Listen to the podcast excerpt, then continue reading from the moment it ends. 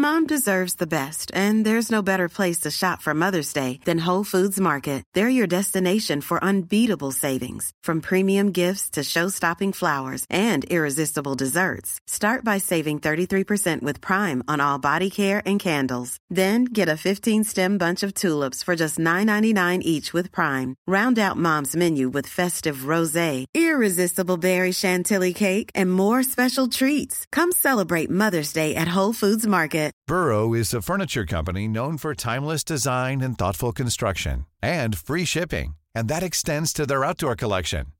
Their outdoor furniture is built to withstand the elements, featuring rust-proof stainless steel hardware, weather-ready teak, and quick-dry foam cushions. For Memorial Day, get 15% off your Burrow purchase at burrow.com slash ACAST and up to 25% off outdoor. That's up to 25% off outdoor furniture at burrow.com slash ACAST. There's never been a faster or easier way to start your weight loss journey than with PlushCare. PlushCare accepts most insurance plans and gives you online access to board-certified physicians who can prescribe FDA-approved weight loss medications like Wigovi and Zepbound for those who qualify. Take charge of your health and speak with a board-certified physician about a weight loss plan that's right for you.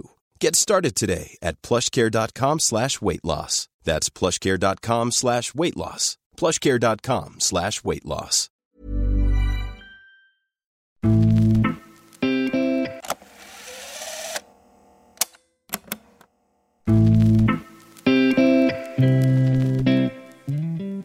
Efter att den förre skyttekungen Mats Magnusson hade varit nere och vänt på botten med missbruk och hemlöshet så reste han sig.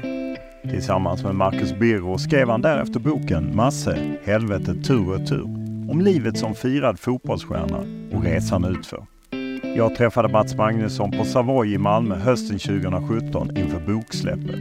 Och det blev ett öppet och ärligt samtal som nästan aldrig tog slut. I närmare två timmar talade Magnusson om hur det gick utför. Om att en vänskapsmatch med Benfica där han blev utskrattad blev vändningen. Om hur han fick hjälp att bli nykter och återfick kontakten med sin gamla familj. Dessutom talar han om sin makalösa karriär som spelare.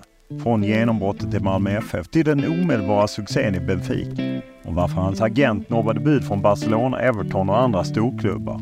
Om landslagsspel, VM 1990 och om att varken få Guldbollen eller Guldskon 1990.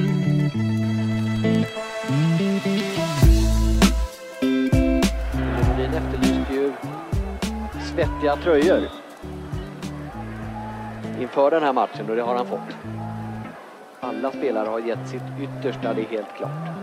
Det finns en gnista och en vilja i laget fortfarande. Hos Mats Magnusson till exempel. Och där har vi 1-1. Underbart att Mats Magnusson söker sig till den första stolpen. Och väldigt bestämt sätter han in 1-1. Och vad roligt att man Mats Magnusson slog igenom i Malmö FF, var firad landslagsstjärna och tog klivet ut i den europeiska toppfotbollen. Han spelade två Europacupfinaler med Benfica, vann ett antal titlar och var ytterst nära att vinna den europeiska guldskon för flest klubbmål under en säsong. Han var även Henrik Larssons stora förebild och var med om att skjuta upp Helsingborg i Allsvenskan igen. Men i en ny bok som han släppt berättar han om tiden efter karriären som blev oerhört tufft. Magnusson fick pengaproblem, fastnade i alkoholmissbruk och var hemlös i flera år innan en välgörenhetsmatch i Portugal fick honom att till slut börja ta tag i sina problem. Det, det som är så jobbigt är... Man har gjort så många illa va. Jag tänkte på det här med Zidane-matchen. Fan jag skulle inte åkt ner där men kanske var det bra att jag gjorde det. Så det, det, det blev en chock alltså när jag såg det på tvn där. Mats Magnusson berättar öppenhjärtigt om den tuffa tiden när han var nere på botten. Hur han i hemlighet övernattade i Eskilsminnes och Högaborgs klubblokaler. Hade de då möte på klubben så ville jag liksom inte vara där och så jag fick ju gå och promenera och promenera och så säga till det var släkt och så fick jag gå in och lägga mig.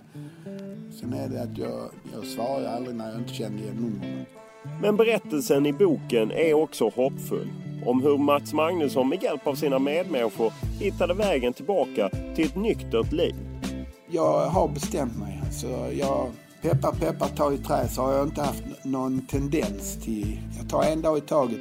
Min poddintervju med Mats Magnusson blev lång och känslofylld och därför har vi valt att dela upp intervjun i två delar. I den här delen pratar vi om boken som han skrivit om den mörka perioden av sitt liv. Medan vi i den andra fokuserar på hans karriär i Malmö FF, Helsingborg, landslaget och Benfica. Ni som inte vet så mycket om Mats Magnusson som spelare kan med fördel börja med den andra delen. Annars får ni en liten bakgrund nu när vi som vanligt startar podden med en fakta Ålder? 54. Bor? Malmö. Familj?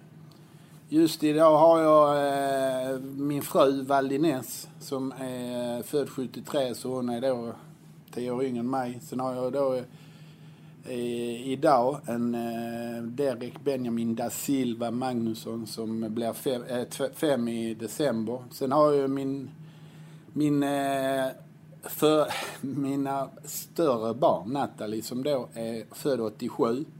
Så man kan säga att hon är faktiskt made in Sweden, born in Portugal. Sen har vi då Sebastian som är född 92. Han är faktiskt made in Portugal och born in Sweden. Så, och så har jag min ex Marie-Louise som eh, det är väl min familj sådär. Sen har jag ju lite, en bror som jag har haft lite jobbigt med också nu som efter min... Eh, alltså jag har ju två liv. Jag har ju innan och efter helvetet så... Ja. ja. Utbildning? Två år social, Olympiaskolan. Lön? Lön idag ligger väl på runt 30 brutto. Bil? Nej. Hobby? Hobby, familjen.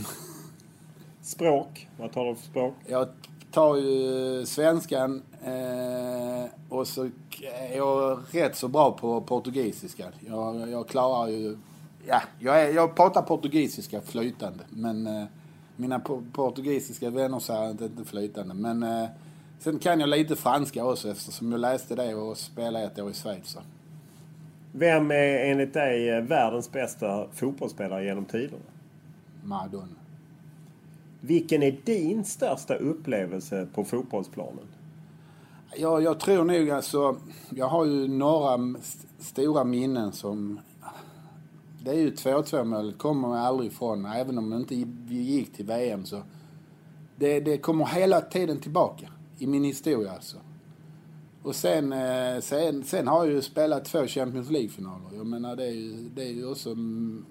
Och, eller så ska veta att jag har aldrig känt att jag är någon stor stjärna eller så utan jag har bara känt mig privilegierad och komma, jag fick komma till Malmö FF, träna med Prytz och sådär.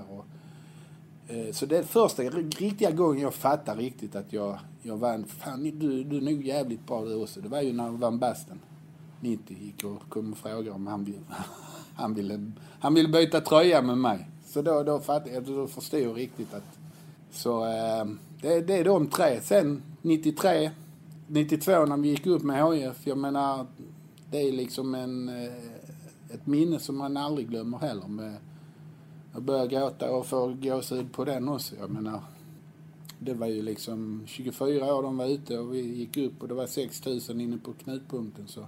Men eh, jag tror nog att 2-2 målet blir ändå det som liksom för, som alla kommer ihåg. Även de som inte är så fotbollsintresserade kommer ihåg just det där målet som är så otroligt konstigt.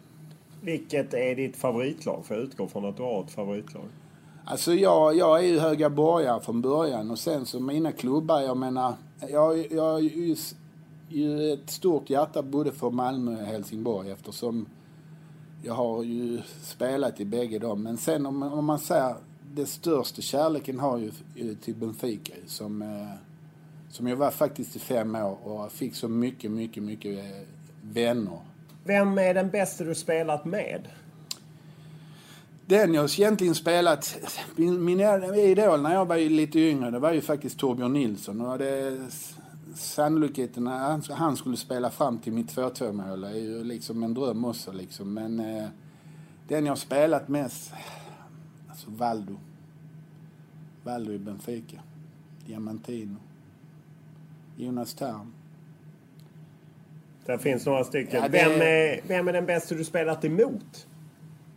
Alltså det är nog, alltså det är nog, alltså mot, alltså det, den jag har haft mest problem med det är egentligen Moser.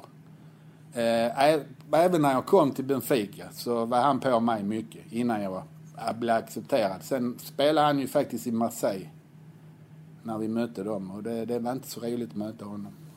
Vad tränade du mest på under din karriär? Under min karriär, alltså jag, jag, jag började min karriär när jag var fem. Jag spelade ju fotboll alltid. Liksom fotboll, handboll och basket. Jag gjorde faktiskt en elitseriematch i handboll också.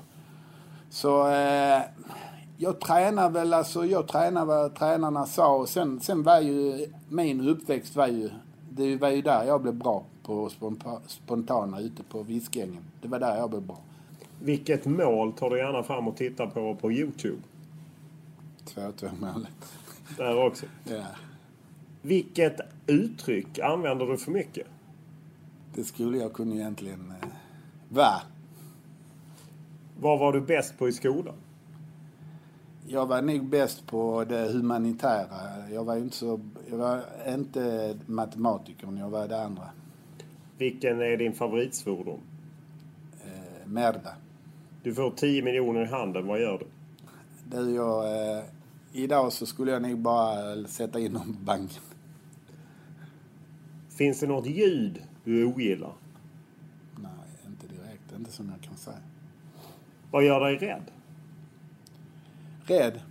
Nej, det är ju lite, lite, lite framtiden är det ju. Jag är lite, jag är inte rädd, men jag är lite orolig inför... eh, Jag har ju en son som är fem nu och min dröm är ju att jag ska se honom när han är 20 springa på Stadium Stade de Luz. Så, så min... eh, Och då är jag nog mot 70, så eh, min, min hälsa är eh, nummer ett nu för mig. Äta rätt och träna.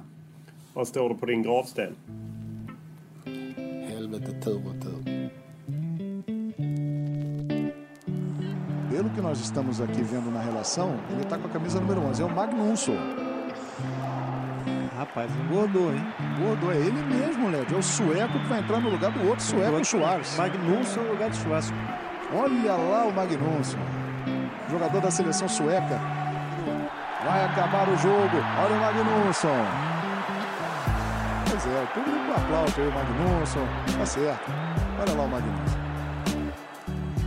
Det ni just hörde var en ljudupptagning från januari 2010. Då Mats Magnusson var med i en välgörenhetsmatch för gamla Benfica-legendarer. Och han mötte publikens jubel när han hoppade in de sista minuterna av matchen. Men publikens jubel blandades också upp med en del spridda skratt. För det var en rejält överviktig Mats Magnusson som hade svårt att hänga med och som tappade balansen vid flera tillfällen. Det är dock ingen där som anar hur illa det verkligen är ställt med den gamle skyttekungen. Att han är alkoholiserad, hemlös och bankrutt. Ingen anar heller att just den här matchen ska bli vändpunkten. Du och jag träffas ju eh, på Savoy. Det var du som tyckte att det var ett bra ställe att träffas på. Dels har du träffat författaren Marcus Birro när ni skulle skriva bok ihop och framförallt också träffat agenten Börje Lantz eh, här när du blev såld till Benfica. Det var ju här Börje Lantz satt. Eh. Jag har läst boken. Hur, hur känner du nu när du ska släppa den här boken som innehåller rätt skakande berättelser? Alltså jag, jag känner mig rätt så lycklig och, och rörd faktiskt. Eh, Det har ju gått mycket rykten om framförallt den här tiden och så. Och att jag, jag hade bestämt mig rätt så snabbt när jag... eh, Jag har ju alltid velat skriva en bok men efter, efter Nämndemansgården då 2010 så blev det ju ännu, ännu mer att... För det gick så mycket rykten. Varför känner du att det är viktigt att gå ut brett med det? Nej, just det att det har, det har gått så mycket rykten och jag, jag, har ju- jag har ju haft kompisar eh, som... Hade jag inte haft mitt nätverk så hade jag ju inte suttit här och pratat med dig. Men, men eh, de, när jag har träffat dem nu när vi gjort- Den här boken har ju inte varit lätt att göra. Att träffa alla som verkligen älskade mig och som jag har gjort så illa. Men eh, där, där vi pratat, nu snackar vi ett år sedan och då var det fort, fortfarande typ folk i Helsingborg typ som eh, trodde att jag fortfarande var uteliggare. Så det är faktiskt ryktena och sen är det så här att, att eh, jag kanske kan hjälpa någon har jag kommit in på nu också. Att I och med det, det är ju aldrig någon som har gått ut och liksom alla har skrivit böcker om sina fotbollskarriärer. Och min fotbollskarriär är ju liksom outstanding. Det är ju den, det är, det är inte många som har två Champions League-finaler och så men men jag, jag, jag vill liksom berätta att jag, jag, jag var där uppe. Jag var där nere. Och jag är uppe igen nu, Olof. Jag, ska, jag är stolt. Och den här matchen, att jag sitter här, den är bättre än alla Champions League-finaler och så. Men att det blir på mina villkor. Det är ju en eh, skakande berättelse just om du beskriver ett fall som är lite svårt att förstå. Hur du kunde gå från firat proffs och, och jag menar firad hjälte för Helsingborg när du kom hem och sen för att befinna dig på i princip parkbänkar och bo i Högaborgs och Eskilsminnes klubblokaler. Hur, hur kunde det ske? Ja, det, det har gått många tankar hur, hur det har skett och eh, jag har väl förstått att när vi har gått igenom den här eh, boken och som har varit en lite rehab för mig och träffa alla, alla som älskar mig. Jag har så många som älskar mig. Och, eh, jag har väl förstått att det, ja, jag har alltid kunnat dricka rätt så bra även under min karriär så liksom när vi hade läge. Alltså dricka alkohol? Ja, dricka alko alkohol. Va? Så, när jag kom till nämndemansgården så var jag fullt övertygad. Det var, de, det var ett och ett halvt, två år som det bara pang. Men eh, när jag har träffat alla de här som har gjort boken och så, så har jag förstått att det börjar nog lite tidigare. Än, eh, sen, sen är jag fullt övertygad om att just skilsmässan var inte som gjorde det. det ja, utan, under den här tiden så nej. skiljer du dig från ja, din dåvarande ja? Så, eh, det, där, jag hade tre, fyra år, fantastiska år efter skilsmässan. Så det var, det var inte det utan det, det var lite sådär som jag hade. Jag jobbade ju som försäkringsmäklare och det började att de, man fick, eh, hade inte fast lön och så skulle man gå på provision och så blev det mindre och mindre pengar och sen har jag kanske börjat redan kanske när jag slutade 93. Ja, det är för man talar ju ofta om att det är svårt att sluta. Rampljuset slocknar. Jag menar du går ju från du har varit superstjärna i Benfica, du kommer hem och för upp Helsingborg och är ju stor stjärna i Helsingborg första allsvenska säsongen på 25 år. Och sen bara slocknar det. Hur var det? Nej, alltså det, det, det, nu är ju det här, nu kan vi ju snacka att jag hade ett bra liv till jag var ju 2010 tränare i Kristianstad, eh, gick upp i superettan där och då skulle byta om. Så, så alltså det, man kan säga kanske 2004, 2005 där. Du tränade Kristianstad 98, 99? 98, 99, okej. Okay. Du sa ja. 2010 tränade du Arlöv, men 98, ja. 99. Så detta är ju några år efter. Ja, det är några år efter. Så där, jag hade ett rätt så bra liv. Och eh, när jag hade eh, min fotboll och jag hade, jag jobbade ju på Puma och jag hade min fotboll och sen när jag fick det här, jag, jag ville liksom träna Högaborg tror jag var 2000 och blev lite sådär att jag tröttnade på det. Och så fick jag en möjlighet att få en fantastisk utbildning på Folksam eh, som rådgivare och klara den tentan som jag liksom hade många som hjälpte mig där. Unga som var hungriga som hjälpte mig. Och sen, sen så började jag eh, träna på eh, jag tränade på eh, i Helsingborg så träffade jag Pelle Törnqvist och Mattias Olle Ivestedt som då hade en mäklare, alltså en oberoende mäklare som sa varför jobbar du på Folksam? Så hade jag ett möte med dem och så började jag där. Så där gick det bra. Jag började en fast lön och liksom jag hade, vi hade bra produkter och det gick bra. Så, så där, där eh, efter, när jag började när de lägger om, de hade gått lite dåligt, de tog bort fasta löner. Sen var det vissa försäkringar som försvann som hade bra provision och så. Och så blev det lite så. Och sen jag gick inte till jobbet. Va? Började få lite mindre pengar. Och sen eh, så, så där började så, och så blev det så alltså. Jag började och sen, sen märkte de lite på att jag inte mådde bra och de tog in mig. Och som, en, som alkoholist, så, du förnekar ju. Jag hade ju inga problem med spriten. Är du med? Ja, ja och det framgår ja. i boken att du ja. säger ju att det är ju till och med ett, eh, långt senare när Eskilsminne tar in dig och ja. säger att vi är beredda att hjälpa dig. Du har ju varit där mycket på deras klubbstuga och så. De säger du, och du bara nekar. Ja. Nej, man förnekar ju. Så är det ju. Och det är ju, då gjorde jag när jag kom ner, ner till Arling också Erling Paulsson, styrelseledamot ja, ja, ja. i Malmö FF ja. tidigare, som är den som hjälper dig Ja, sen. som den som... Eh, det, han, det, det, det, det är ett stort nätverk, Olof. Men, men så jag har träffat alla och jag har gråtit för alla och jag... jag man har ju... Alltså... Det, det som är så jobbigt är... Man har gjort så många illa, va. Förlåt att jag gråter, ja, nej, men det, det är jag. Det är jag. Och det, det är liksom... Man tänker på jag tänkte på det här med Zidane-matchen. Fan, jag skulle inte åkt ner där, men kanske var det bra att jag gjorde det. Ja, för de som inte vet så är detta ju 2010 en, en, eh, en välgörenhetsmatch. Och du ja. hoppar in och det blir ju ett klipp som går igenom hela ja. Europa. Du är ju ganska överviktig och ja, och snubblar. Jag är 150 mm, eh, kilo där. Alltså, så, så det var liksom... Och jag... Och jag och tänk hela tiden på att Nathalie och de fick se detta så. Men... Men du, du, du, beskriver ju i boken hur du sitter där på restaurangen efteråt och ser ja. det här klippet och hur ont det gör. Men att det samtidigt också på något sätt inser du att jag måste göra något. Jag måste göra något. Men jag fortfarande hade jag inte tanken på att det var drickat utan jag måste gå ner i vikt. Det var det som jag gjorde då. För jag, jag sitter där och dricker på den festen. Det är tv-apparater överallt ju. Och liksom... Eh, så det sitter i minnet, minnet den, den där att... Vad är det som gör alltså jag såg ju inte... Jag, jag, jag, först då så... Jag, när, innan jag kom dit...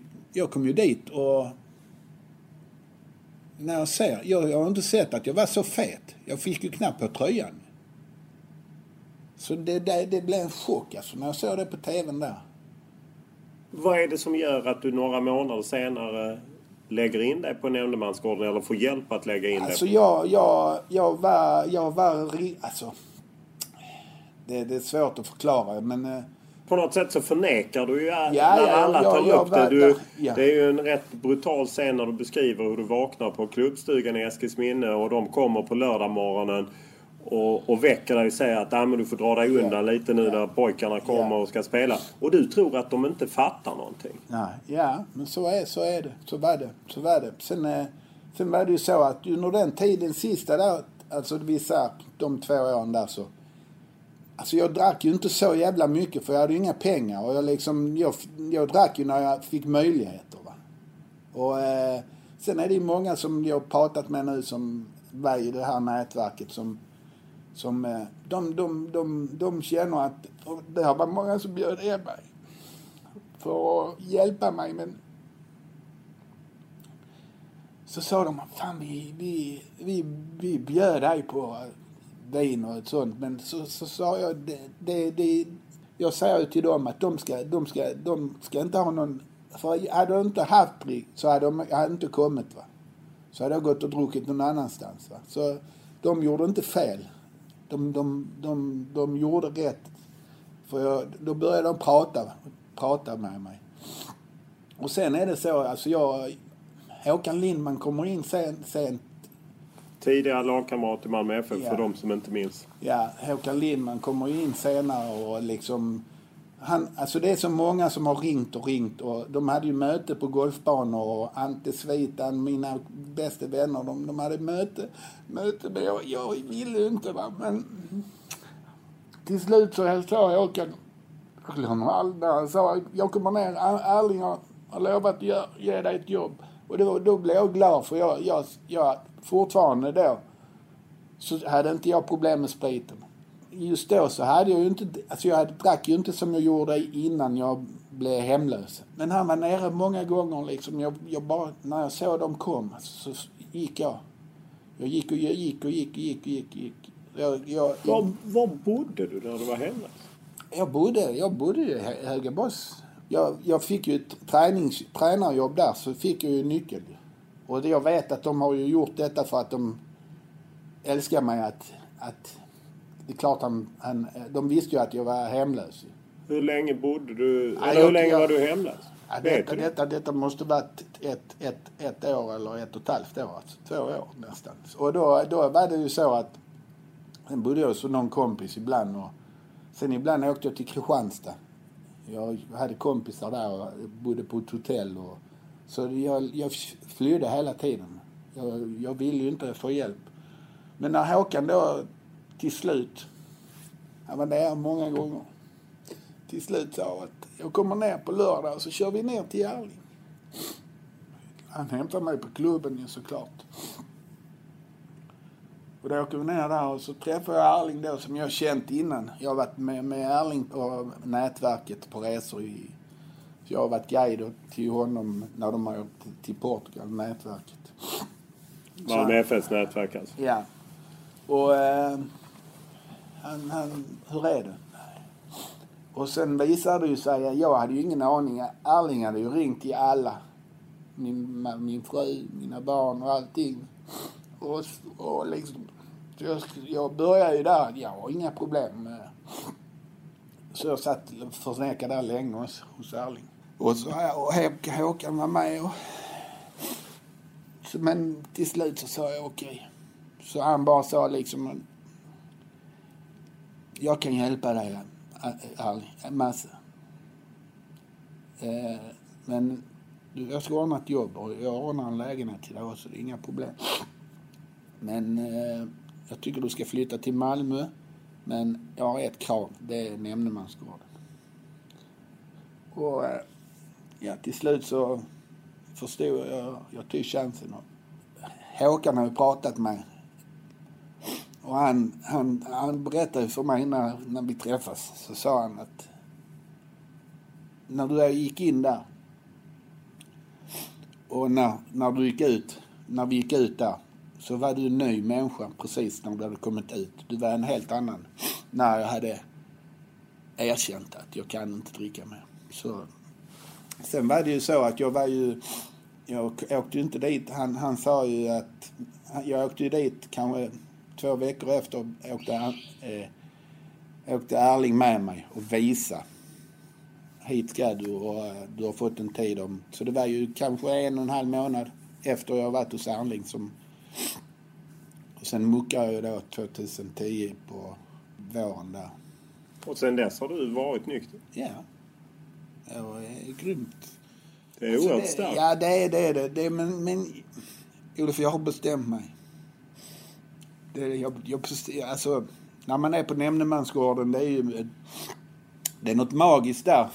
Det är ju, pedagogerna är ju, alla är ju eh, nyktra knarkare eller nyktra, nyktra alkoholister som jobbar. Alla pedagoger har ju en, en, en... Så man kan ju aldrig komma undan där. Man, alltså, där går inte... Man gör ju en livs och droghistoria och de suddar ju om man inte eh, säger som det är. Så. När man hade bestämt sig och ty- så, så, så var det en grej att man skulle rita en flagga på eh, en whiteboard som man hade sina namn på. Att om man då har bestämt sig att, kapitula- att man har kapitulerat. Och jag gjorde nog det rätt så. Om det, vi var där 30 dagar så kanske efter 20 dagar så. Och sen... Eh, sen har jag ju Erling är ju, Erling är ju liksom... Jag, jag fick eh, en lägenhet, eller ja. Och sen ordnade jag jobb och... Så jag, jag, jag, jag har bestämt mig. Alltså jag, jag tar en dag i taget och peppar peppar tar i trä så har jag inte haft någon tendens till, till och jag glömmer aldrig för de var ju oroliga för mig för tre månader efter jag hade muckat så beställde jag, beställde jag en resa till Thailand. Eh, och alla trodde ju liksom nu är det, nu är det kört. Men jag, jag, jag, jag hade inte åkt om jag hade skulle dricka. Så jag hade möjligheten. För jag hade inte, jag hade ju, jag hade ju bra, jag hade bara en lön. Jag, jag, ingen visste ju var jag bott innan. Så jag, det, lite senare sen så fick jag ju en smäll. Så, men jag hade tjänade rätt så bra där. och hade bara hyran. Så jag åkte till Thailand. Och jag glömmer aldrig, jag ringde till min ex då, Meje, och sa att eh, det är rätt så roligt det här faktiskt. Alltså, jag var tvungen att ringa för och sa att det var första gången jag egentligen var nykter på en eh, flygplats i mitt vuxna liv. Och dricker en kaffe latte och ska åka till Thailand. Så. Boken som eh, du har gjort ihop med Marcus Birro innehåller ju väldigt mycket där du på något sätt efter det här uppvaknandet och tillnyktrandet ja, ber om ursäkt till en massa människor, beskriver relationer och, och så. Allt från dina tidigare barn och din bror och, och så. Och, eh, ja, det gör ju närmast ont att läsa. Eh, och jag förstår att det måste varit väldigt jobbigt för dig. Ja, det är, det är alltså... Det är liksom det här... De är ju med, de medberoende har ju lidit som fan alltså. Eller framförallt eh, Sebastian och Nathalie. Men vi, vi, de var jätteglada. Alltså, när jag ringde och sa att jag skulle in på nämnden, de, de jublade ju bägge barnen. Och mig också ju. Så jag har fått belöning efter men... I hela den här processen så måste du räta upp en massa ja, relationer oja, som, oja, oja, oja. Det har som varit, har blivit misskötta. Ja, ja, det har varit, det, det har varit tufft men eh, jag, jag, jag har ju alla, alla de som, alla de som jag, framförallt jag glömmer aldrig när Sebbe sa kom inte när du har druckit i min hockeymatch. Sebastian, din son som spelar, spelar hockey i ja, hockeygymnasiet. spelar i Modi då. Modo. Örnsköldsvik. Ja. Eh, och du kommer upp där och är, är påverkad? Ja, nej, jag, jag, jag, jag hade inte druckit så mycket men barn de, de, de hör på min röst. Jag, man är ju så korkad när man är alkoholist. Man, man tror ju inte de hör men han, han, jag, jag var inte otrevlig. Jag hade kanske druckit fyra eller fem öl och det var ingenting för mig på den tiden. Och jag var, alltså, för mig var jag ju li, liksom nykter. Men han, han märkte ju direkt på min röst. Va? Och, då säger han till dig? Ja, han sa alltså när du, när du, när du dricker, jag kom inte, jag, jag, jag, jag trodde ju inte han, att jag, han skulle märka det. Men, och det liksom, det är en sån grej som liksom bara Ja, det var jävligt tufft faktiskt. Det var det. Men eh, de älskar mig idag och jag, de är jättestolta över mig. Och det jag har haft problem det är lite att jag, jag har ju inte fattat själv hur duktig jag har varit och sitter här och pratar idag. Och, Nej, för det är ju, på det sättet är det ju en, en hoppfull bok. Även om det är mycket svärta i den så är det en hoppfull bok att du, du kommer ut på andra sidan. Ja. Och, vi faktiskt... försöker återskapa relationer med folk, både vänner som du har ja, lånat pengar av. Och ja, ja, ja, Det är ju rätt sorgligt att läsa om din bror ju som du ja, tappar. Den, den, den, var ju, den var ju alltså liksom... Oh, jag är så glad jag åkte dit. Alltså det, när jag muckade så visste jag, då var han fritt normalt. Eller han hade fått en liten eh, skada bara för han är snickare. Och sen så liksom Ja, för ni tappar, för att bara beskriva, ni tappar kontakten när du börjar missbruka yeah. helt enkelt. Yeah. Han hade varit väldigt viktig för dig tidigare och alltid oh, ja. spelat in ja. alla intervjuer ja, ja, och allting. Alla, alla. Men ni tappar kontakten i missbruket. Och sen har du svårt att söka kontakt med honom och då blir Nej. han dessutom sjuk. Ja, han blir jättesjuk. Och till slut så blev det liksom för ett år, eller ett, ett, ett år sedan eller två år sedan så var det ju inte Eh, det var Parkinson eller om det var Alzheimer. Eh, Parkinson var det. Det var, det var upptäckte att det inte var något utan det var en, en jätte, jätte, jätte ovanlig sjukdom som tynar bort, alltså som 2 procent får. Och, så jag var faktiskt hos honom. Och han, han, kan, han kan ju inte, han, han ser ju inte så, han ligger bara och sover. Och, men han var uppe två timmar när jag var där och höll mig. Och skrattade och berättade alla vad vi hade gjort. Så det var, det var skönt. Det var, det var jävligt viktigt. Sen hade jag bra kontakt med min pappa också som, som fick uppleva Benjamin. Och det, det är jag glad för oss. Ja, för det är ju också något du beskriver i boken att eh, fram till du är 14 år tror jag så vet du inte vem din pappa är. Nej. Eh, och då dyker han upp och det visar sig vara en, eh, en dansk man som har en relation med din mamma vid sidan av sitt äktenskap. De flyttar sedermera ihop långt senare. Ja, men, långt, långt senare. Men, men alltså, då måste när, jag, när, jag, när, jag, när jag blev till så var han ju otrogen. Men det måste varit att växa upp utan en, en fadersgestalt. Jag märkte inte det för jag bodde ju hos mormor och morfar. Va? Och min morfar var min pappa och sen hade jag min storebror som är åtta år äldre än mig. Va? Så jag, jag hade en fantastisk uppväxt. Jag har aldrig... Jag, Nej, för du skriver ju det att Ja, du det är min- önskar att du hade haft en dålig uppväxt så du kunde skylla ja, på det. ja, nej men, men nej det var fantastiskt. Hela, hela, hela Viskgatan där, det var ju ungar. Och sen... Eh, vi, vi var ju ute och spelade alltihop. Bosse och alla bodde hos mormor och morfar. Alltså eh, kusiner och alltså så var det ju på den tiden. Och vi, ja, ja, vi var ute. Vi var ute. Jag menar, där fanns ju varken... Vi hade ju två tv-kanaler och de var svartvita bägge. Och vi, vi var ju ute. Vi var ju ute. Jag var ute och pallade äpple och sånt. Men, men vi var ju ute och spelade landhockey på vintern och fotboll på sommaren. Man var ju aldrig hemma. Mormor, Nej, det kast, var- mormor kastade ner mackor. Det var en annan tid innan sociala Ja. medier och tv-spel Ja. och liknande. Ditt missbruk leder ju också till att du på något sätt släpper eh, kontrollen över ditt liv ekonomiskt sett. Att eh, du öppnar inte post och eh, till och med när, eh, när du eh, har kommit på benen via nämndemansrollen och har fått ett jobb så då är det egentligen ingen som riktigt har koll på dig. För att det visar sig att du har skulder på flera miljoner när, när det väl hinner ikapp dig. Alltså det är så här, eh, Olof. Jag, jag, eh, så de två åren, det, jag, var ju ingen som visste jag hade adress. Jag hade tur för det, det var liksom folk som, som, eh, som eh, tog, när de tömde lägenheten, då hade jag ju ingen, eh, då liksom, då var det ett företag som, vem hämtade det och han, han, han var i Höga Borg så han sa jag de, de står... De, de har jag här. Har, fick jag reda på när jag kom ut från nämndemansgården. Så. Alltså har din post helt enkelt. Nej, mina, mina grejer. Ja, ja okej. Dina Möbler, grejer från... möbler. Ja, ja. ja men- då när men- du blev... För du ja. blev vräkt Ja, ja, ja, ja. Jag, jag, de började ta ljuset och sen, sen är det alltså...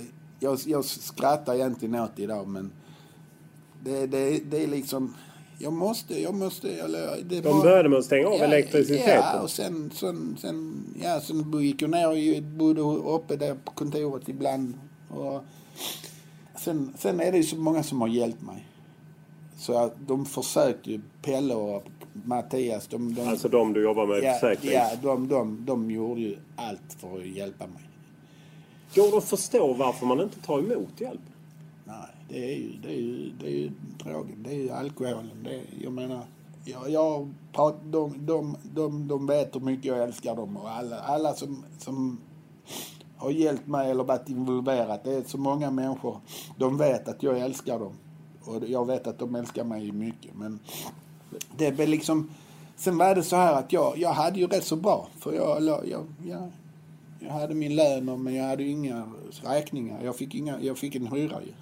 Ja, Ingen- detta är då efter nämnderna. Ja. Men, men om vi återvänder där till Helsingborg där du är vräkt och du har ingen bostad och just att det börjar så man stänger av elektriciteten och sen kom de och bara slängde ut dig. Nej, jag, jag, jag, jag var borta så de, de fick inte tag i mig.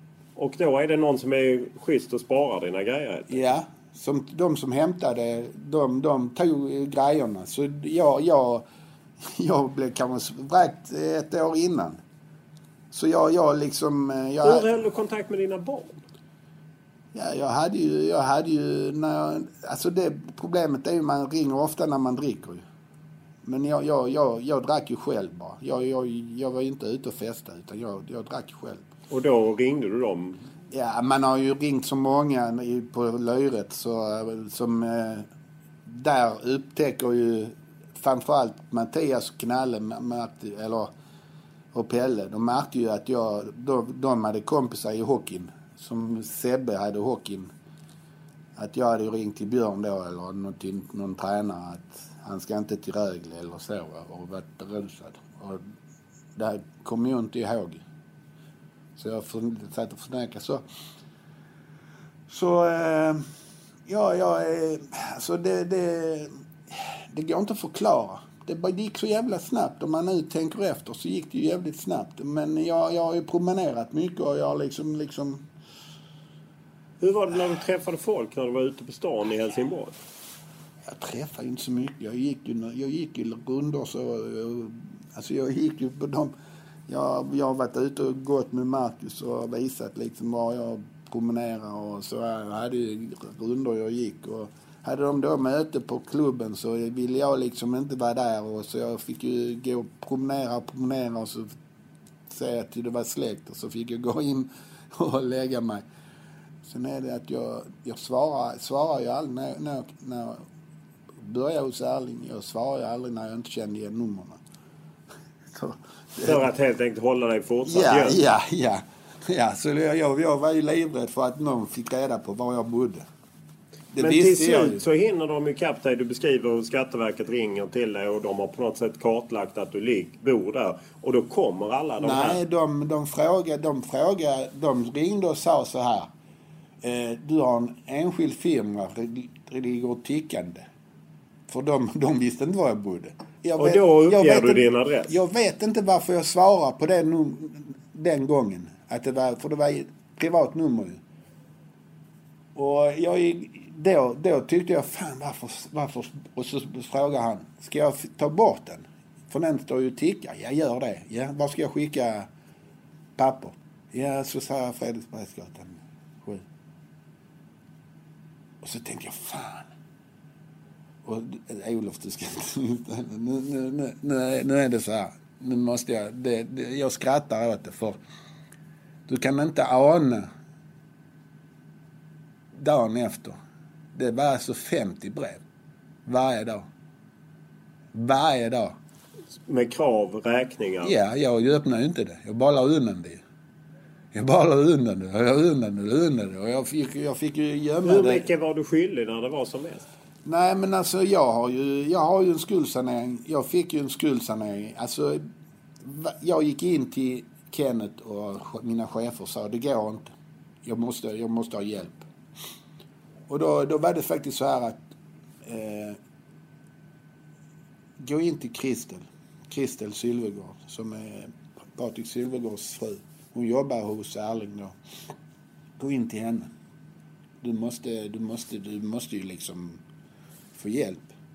Och då sa hon att jag, jag, där finns, där, jag, jag, jag, jag, jag ringer till... För tydligen så Erling har, Erling har ett stort hjärta så han, det, han har nog haft andra tidigare som han har hjälpt. Men hon sa, hon ringde då till Mia, Mia på kommunen och hon, hon är en ängel. Så jag kommer dit där och hon sa, hon såg hur orolig jag var och, men hon, hon, var, hon var en riktig ängel alltså, Mia. För det är hon som hjälper att ja, lägga upp planen för skuldsanering? Ja, nej, alltså det är ju inte automatiskt att man får det. Utan det, hon, hon sa in med allting. In med allting. Detta är ju, den, den kom ju inte igång från... Alltså jag fick ju... Alltså, jag hade... Hon sa att... Jag tror det var 1,8 miljoner. Du som gammalt ex-proffs, spelat i Schweiz, spelat i Portugal. Ja Ja. Hur går det till? Ja, det är så att under den tiden jag... Alltså jag... Olof, jag, jag var bra på att förstöra mitt liv. Det var jag. Jag, jag är... Som jag skriver i boken, att jag var bra på det mesta. Och, och, och förstöra livet var jag också. Jag, jag, jag hade ju bilar och jag hade... Och sen är det så att jag söp bort och så har de stått och tickat. Och en, bara en... Du har söpt bort bilar? Alltså. Ja, så jag hade en bil och så jag... Du vet inte var den tog vägen? Nej, den stod ju, den, den stod ju någonstans ju. Och allt, allt det... Och det bara stod och tickade Ja, ja jag menar där är ju en försäkring. Är det ingen försäkring på en bil? Trafikförsäkringsföreningen tar ju 100 kronor om dagen. Och säger vi då om den står i två år. Och sen är det ju alla andra skulder som eh, bankas på i eh, ränta på ränta och ränta på ränta och på ränta. Och så när hon sa så här att ta in allt för ju mer du har ju kanske är det enklare för att, att få den här. Eh, så det, jag fick, fick igenom den här och sen har jag ju fått lämna in en ny när jag skaffade familj och så för hade du inga pensioner? För jag menar i idrottssammanhang så Nej. sparar man ingenting. Nej. Så du var helt blank ja, ja. och hade bara skulder? Ja, när jag, när, jag, när jag kom ut därifrån var det så. Och jag är glad idag att jag svarar på samtalet. För, För det blev ändå ja, en ja, slags där, vän. Jag menar. Men vad jag förstod eh, som står i boken är att du kommer att vara skuldfri 2018. Ja, i februari. Så det är 60 månader. De, de har gått i februari. Jag pratade med Mia som eh, Marcus har också varit och pratat med henne och så. Så, så hon är en ängel som också liksom... Så bara det blir ju en otrolig vändning också att ja, bli av ja, med det. Ja. Och liksom... Eh, så, eh, ja. Tror du att det här är vanligare än vad vi tror med, med gamla stjärnor som får svårt med både missbruk och pengar och så? Jag vet ju inte, jag vet ju inte hur, hur andra, men jag, jag, jag var tvungen, när jag var på nämnden var jag tvungen, jag ska ut med detta för Och jag hoppas att någon annan, det finns en väg ut om man är där nere. Det går. Men eh, jag ska säga så här, Olof, det var alltså, hade inte jag åkt med Håkan där ner den dagen så vet i fan om jag hade suttit här. Det var en avgörande dag den. För jag lyssnade på podcast Blått snack. Där pratade du ju lite om att eh, du kunde varit på Rå kyrkogård ja. istället. Ja, det, det, det är jag nästan fullt övertygad Det är jag.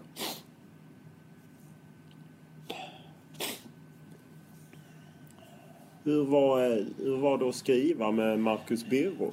Vi, vi klickar direkt. Vi är som bröder idag. Faktiskt. Det, det är som en brorsa faktiskt. Vi, vi bråkar ofta. Vi bråkar mycket och eh, vi har haft mycket dispyter och, och då är det framförallt eh, ja, men eh, det har blivit bra.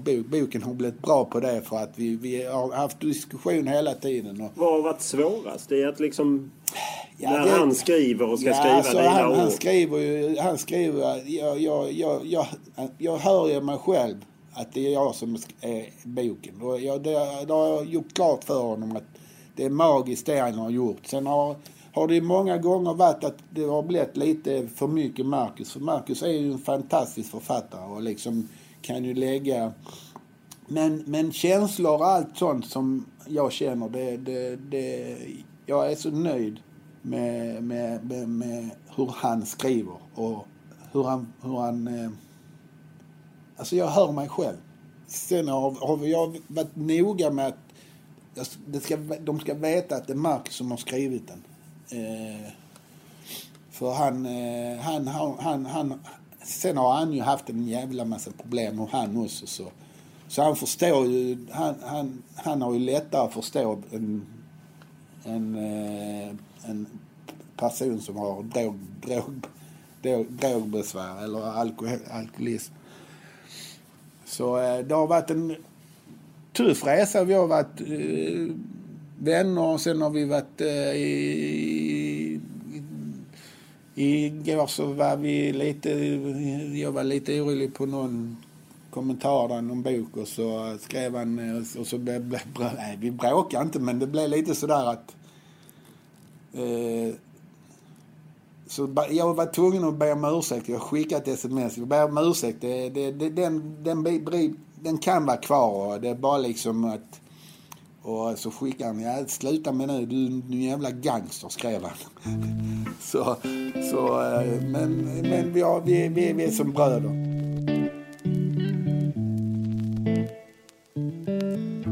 Det här var den första delen av två med Mats Magnusson. Den andra delen handlar framförallt om hans karriär i Malmö FF, HIF, landslaget och Benfica Andreas Ravelli ut, Mats Magnusson in. Proffsspelaren ifrån Schweiz, Servett. Mats Magnusson! Ja! Det är sant! Det är otroligt! Det är fullständigt otroligt det hela. Mats Magnusson slår in 2-2. Han har ju knappt kommit in på plan. Kan ni tänka er? Och Magnusson bara vräker sig fram. Och så kallt och så lugnt han lyfter in bollen. Blåser det här av matchen? Det är fantastiskt. Matchens sista spark. 2-2.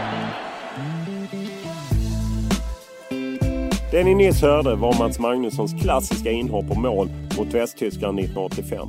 Ett mål som innebar 2-2 och en poäng för Sverige och nästan tog landslaget till VM i Mexiko 1986. Och trots att Magnusson vunnit SM-guld, är portugisisk mästare och skyttekung och dessutom VM-spelare för Sverige 1990 så är det en hel del nästan i Mats Magnussons karriär. Som när han gjorde 33 mål på en säsong för Benfica men ändå snuvades på den svenska guldbollen av Thomas Brolin. Han gjorde, han gjorde ett mål i VM.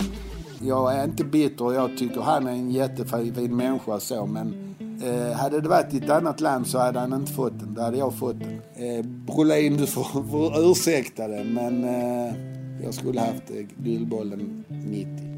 Han berättar även hur hans agent Börje Lantz på minst sagt lösa grunder nobbade en övergång till andra storklubbar. Jag, jag, jag har ju fått reda på senare, eller när vi jobbade så senare att, att eh, Barcelona, Olympiakos och Everton har ju varit intresserade av mig. Många, alltså under tiden jag, jag var där. Men det blir såklart också snack om karriärens toppar när han bildade fruktat anfallspar med Henrik Larsson i Helsingborg och det speciella bandet dem emellan. Henke han, han berättade för mig att när du gjorde ditt första mål i Malmö, då bestämde jag mig för, kan han så kan jag. Tänk, tänk alla som kommer sen efter Henke. Vet du var de bodde på? Var alla de har bott? Det är på Närlunda. Alla som har bott på När, Närlunda, de har ju Henke. Kan Henke så kan vi. Nu är Mats Magnusson högaktuell med sin självbiografi med namnet Helvetet tur och tur där han berättar om det missbruk han slagits mot efter karriären. Mer om den tunga tiden och varför han vill berätta om den kan ni höra om i poddens första del. Men i den här delen behandlar vi hans minst sagt händelserika karriär som innehåller det mesta. Från en norsk dubbelgångare med smak för vodka och juice via uppgjorda bulgariska ligamatcher till Hasse Boys osannolika reklamkupp i samband med VM-kvalet mot Västtyskland. Och den här eh, faktarutan som ni förväntar er, ja, den finns i del 1.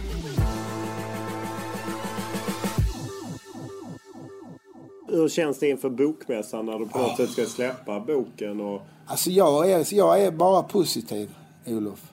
Eh, jag vet att den här boken eh, kan hjälpa, hoppas den kan hjälpa folk.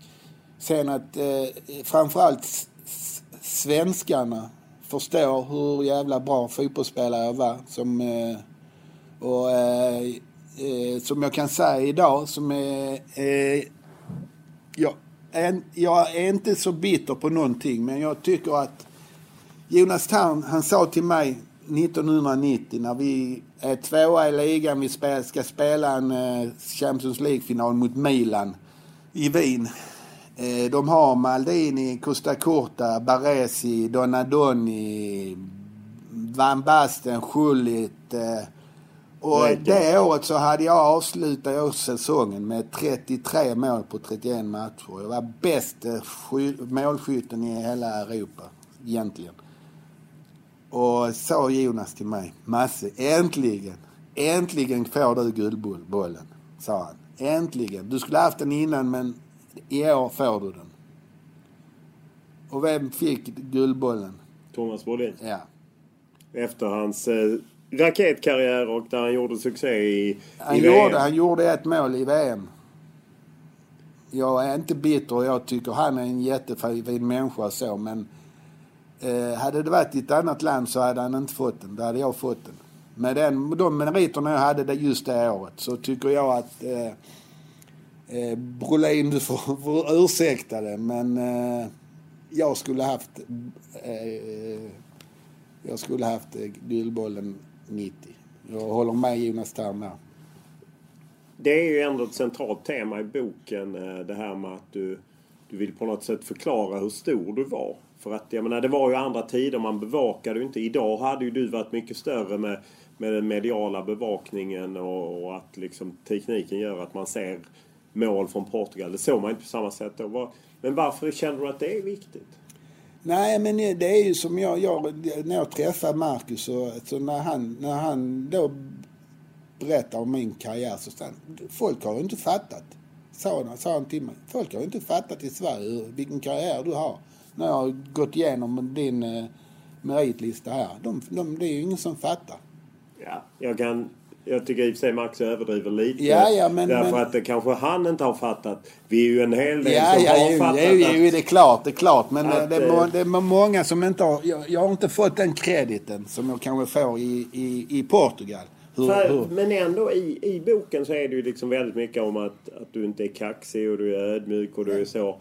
Men sen ändå har du liksom det här att det är väldigt viktigt för dig att flera gånger kommer det i boken att liksom det var ju mig Henke Larsson lärde av, det var inte tvärtom. Ja, ja, ja, ja. Men det, det, är ju, det är ju som en stolthet jag säger det. Henke har ju alltid berättat det. Och när, när Henke, jag träffade honom nu sist så han, han, har, han, har, han har någon aura som, eh, som, som, som, som ingen annan har. Han, han, han, han, han tog mig till ett ställe där som alla går på.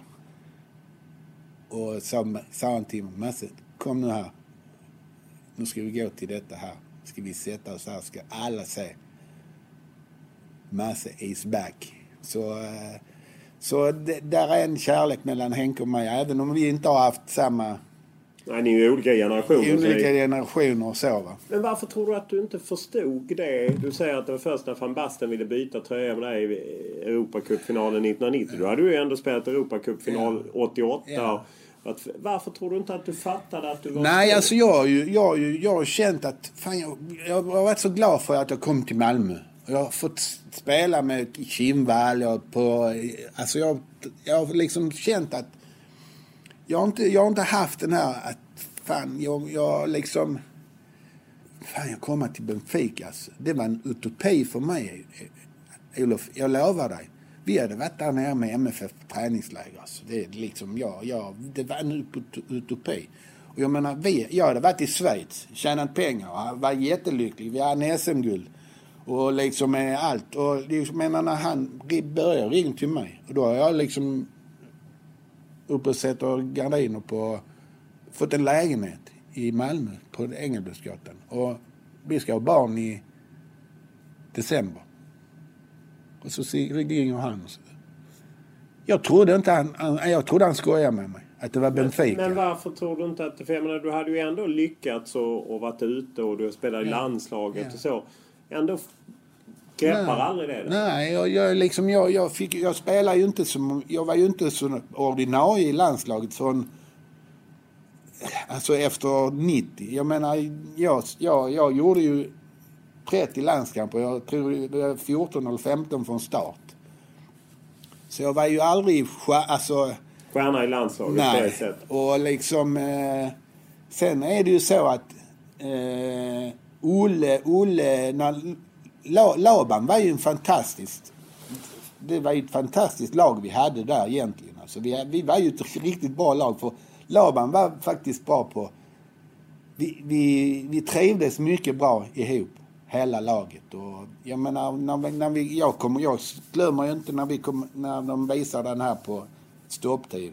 När jag kommer ut efter matchen och, och Laban har en sombrero. Har du sett den t-shirten? Absolut. Ja. Jag menar... Så... Eh, jag, jag liksom känt Men känner du att denna boken kan ge dig den bilden att, att, att folk ska på något sätt förstå att det var en annan tid då och att du spelade det som då idag är Champions League. Två finaler på ett par år även om ni förlorade och ja. vann ligan i Portugal. Ja, och jag menar...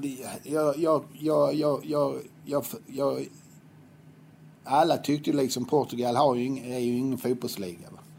på den tiden. Men jag menar, Porto var en... De vann ju Europacupen ja, ja, och vi, var, och vi var två gånger i final Så jag menar, det kan ju inte vara att vi är, var, det var så dålig liga. Va? Vi börjar eh, i karriärens början så är du ju du är väldigt skicklig i handboll. Du nämnde i faktarutan att du spelar till och med en elitseriematch. Vad får dig att välja fotbollen? Det var, jag vet inte vad det, vad det berodde på men eh, jag, jag spelar ju... Fotbollen började ju tidigt med och handbollen kom in lite senare och basket spelade jag också rätt så eh, länge till jag var 15 och man kunde göra det förr i tiden. Men eh, deras, deras chans var att de skickade med mig på tåget upp till Eskilstuna för att jag skulle välja välja. De hade nog insett att jag var på väg till fotbollen. För jag hade varit sommarproffs i Hade du i Eskilstuna med... Var det med Vikingarna? Eller Nej, det är Olympia. Olympia? HF Olympia var det. Med... Det fanns två handbollsklubbar ja, i Helsingborg på den tiden. Ja, det finns det inte ja, längre. Bägge var ju i elitserien några år sedan faktiskt. Och jag glömmer ju aldrig när jag åkte upp det med Pelle Ornell och Thomas Pazzi och Lasse Bock. Två danskar hade de. Men det var nog lite deras sista försök att jag, jag hade bestämt mig för fotbollen. Ja, för att du är ju en supertalang. Det visar du i boken med lite gamla klipp. Du gör mycket mål för Högaborg. Högaborg välkänd plantskola. Inte bara Henrik Larsson. Senare bröderna Olsson och Abbe Khalili och Imad Khalili. Ja, det är ju många som kom. Patrik Sundström och, ja. och så. Och du gör ju debut i A-laget i Högaborg när du är 14. Ja. Och det känns som att det är utstakat mot... Men varför inte HF då? Alltså det var på den tiden, nu, är, nu snackar vi detta är 77 jag debuterar. Och HF är ju inte, inte... Alltså jag blev scoutad rätt så tidigt för Ing Blomberg. Han var legendarisk scout ja, i Malmö ja. FF. Eh, jag blev inbjuden som, jag tror det var kanske 13-14 år. Och var sommarproffs i MFF. De, hade ju en, de var rätt så tidiga med att bjuda in. Och, det var jag och Torbjörn Persson som Ramlösa som också... Och där blev det lite sådär att man blir lite injicerad. När man får och sen träna. ska man också säga, de som är historielösa, de eh, kan tycka att idag finns en rivalitet mellan HF och MFF. Då fanns ju inte det på Nej, det sättet. för HF, Helsingborgarna gick ju och tittade på MFF i Allsvenskan på den eller tiden. Landskrona. Ja, eller Landskrona. Men så, och sen var det så att eh, Bengt Persson som var i Högaborg då, han, han, gillade, han ville att Högaborgarna skulle gå till HIF. det ville han. Men eh, för Bengts skull så åkte jag med honom upp till HIF och pratade, prata med dem. Och det de sa det var lite med att de, de, de, de hade liksom inget de liksom, det blir ju ett B-kontrakt och så liksom det vi kan erbjuda det är liksom du får bo kvar, du kan gå ut skolan och liksom det sociala och och eh, sen är det ju så att det som Malmö hade, det, det var ju inte att, att man blev ett A-kontrakt utan man skulle få, man blev ju ungdomsproffs som det hette. Man, man... Och då ska ju sägas att Malmö då var ju Sveriges, ett av Sveriges bästa lag slogs alltid i toppen. Hade vunnit ja, SM-guld ja, några år ja. senare. Spelade Europacup. Ja, och i och med att jag hade varit två gånger så, och varit där så. Men sen var det lite så här också för de gjorde en liten fadäs som jag nämner lite om i boken att min morfar kände den killen, Åke Jönsson, som då typ hade pratat med mig i HIF då. Va? Och när de, de märkte ju att det blev MFF, då helt plötsligt så gick, hade han, han varit uppe hos min morfar och lagt ett kuvert i hans brevlåda. Och när min morfar såg det så blev han så arg så han gick bort. Vad stod det Vad var det i kuvertet? Ja, det var liksom att det är klart han, han kanske får, kan få ett A-kontrakt och han kan få lite pengar vid sidan om. Alltså han, vi, vi, vi ser till så att han blir nöjd. Va? Och hade de kanske gjort det redan när jag var där så hade det kanske varit en annan. Men eftersom de, jag, jag vet inte vad HIF låg 78, 79 där. Vilken serie? Jag tror att det är division 2. Ja. Jag tror att de är, men det kan ju vara också division 3 som det... Ja, så, så det, var, det var lätt val att gå till Malmö. Det var det. Det var det liksom. Och det, jag, jag, jag gjorde en grej som jag, jag tycker många, många ibland går kanske lite för tidigt. Jag kunde gått när jag var 15 där. Men eh, då hade Ingmar Nilsson kommit till, till Högaborg. Eh, han sa till mig, han spelar här. Gamla fyran var rätt så bra alltså. Det var ju typ division 2 och division 3 idag. Eh, så jag spelade faktiskt eh, till jag skulle... Jag gick ut i gymnasiet två år. Så jag var ju 81. Eh, och som, som... Jag måste berätta att jag gick på... Sista terminen gick jag ut. Då, då skrev jag på 81. Och då hade jag skött mig i skolan så jag fick faktiskt ledigt eh, tre dagar i veckan. Och, så jag kunde jag, eh, gå ner till centralen som låg på andra sidan. Och jag tog tåget ner till Malmö första eh, hela våren på 81. Och sen tog jag tåget hem på kvällen. Så eh, 81 gick jag till Malmö och hade spelat seniorfotboll. Så jag kom, jag kom faktiskt ner där som lite mer senior. Du var lite mer färdig? Ja. Ändå tar det ju några år, men det lossnar ju rejält 84. Eh, ja. Du spelar mycket, gör mycket mål och, och, eh, och ganska snart så visar det sig att Tord Grip som då är, är någon slags klubbdirektör eller manager att han vill sälja det till Schweiz. Ja, det, jag, jag, jag jobbar ju... Alltså, vi, ni, folk kommer ju inte ihåg men det var ju inga proffs i Sverige på den tiden. Nej, ni jobbade vid sidan. Alla jobbade eller så. Så vi var ungdomsproffs. Vi, vi hade, jag, hade, jag jobbade ju på, på, på... Första jobbet fick jag på posten i, på David Hallsgatan på Folksam.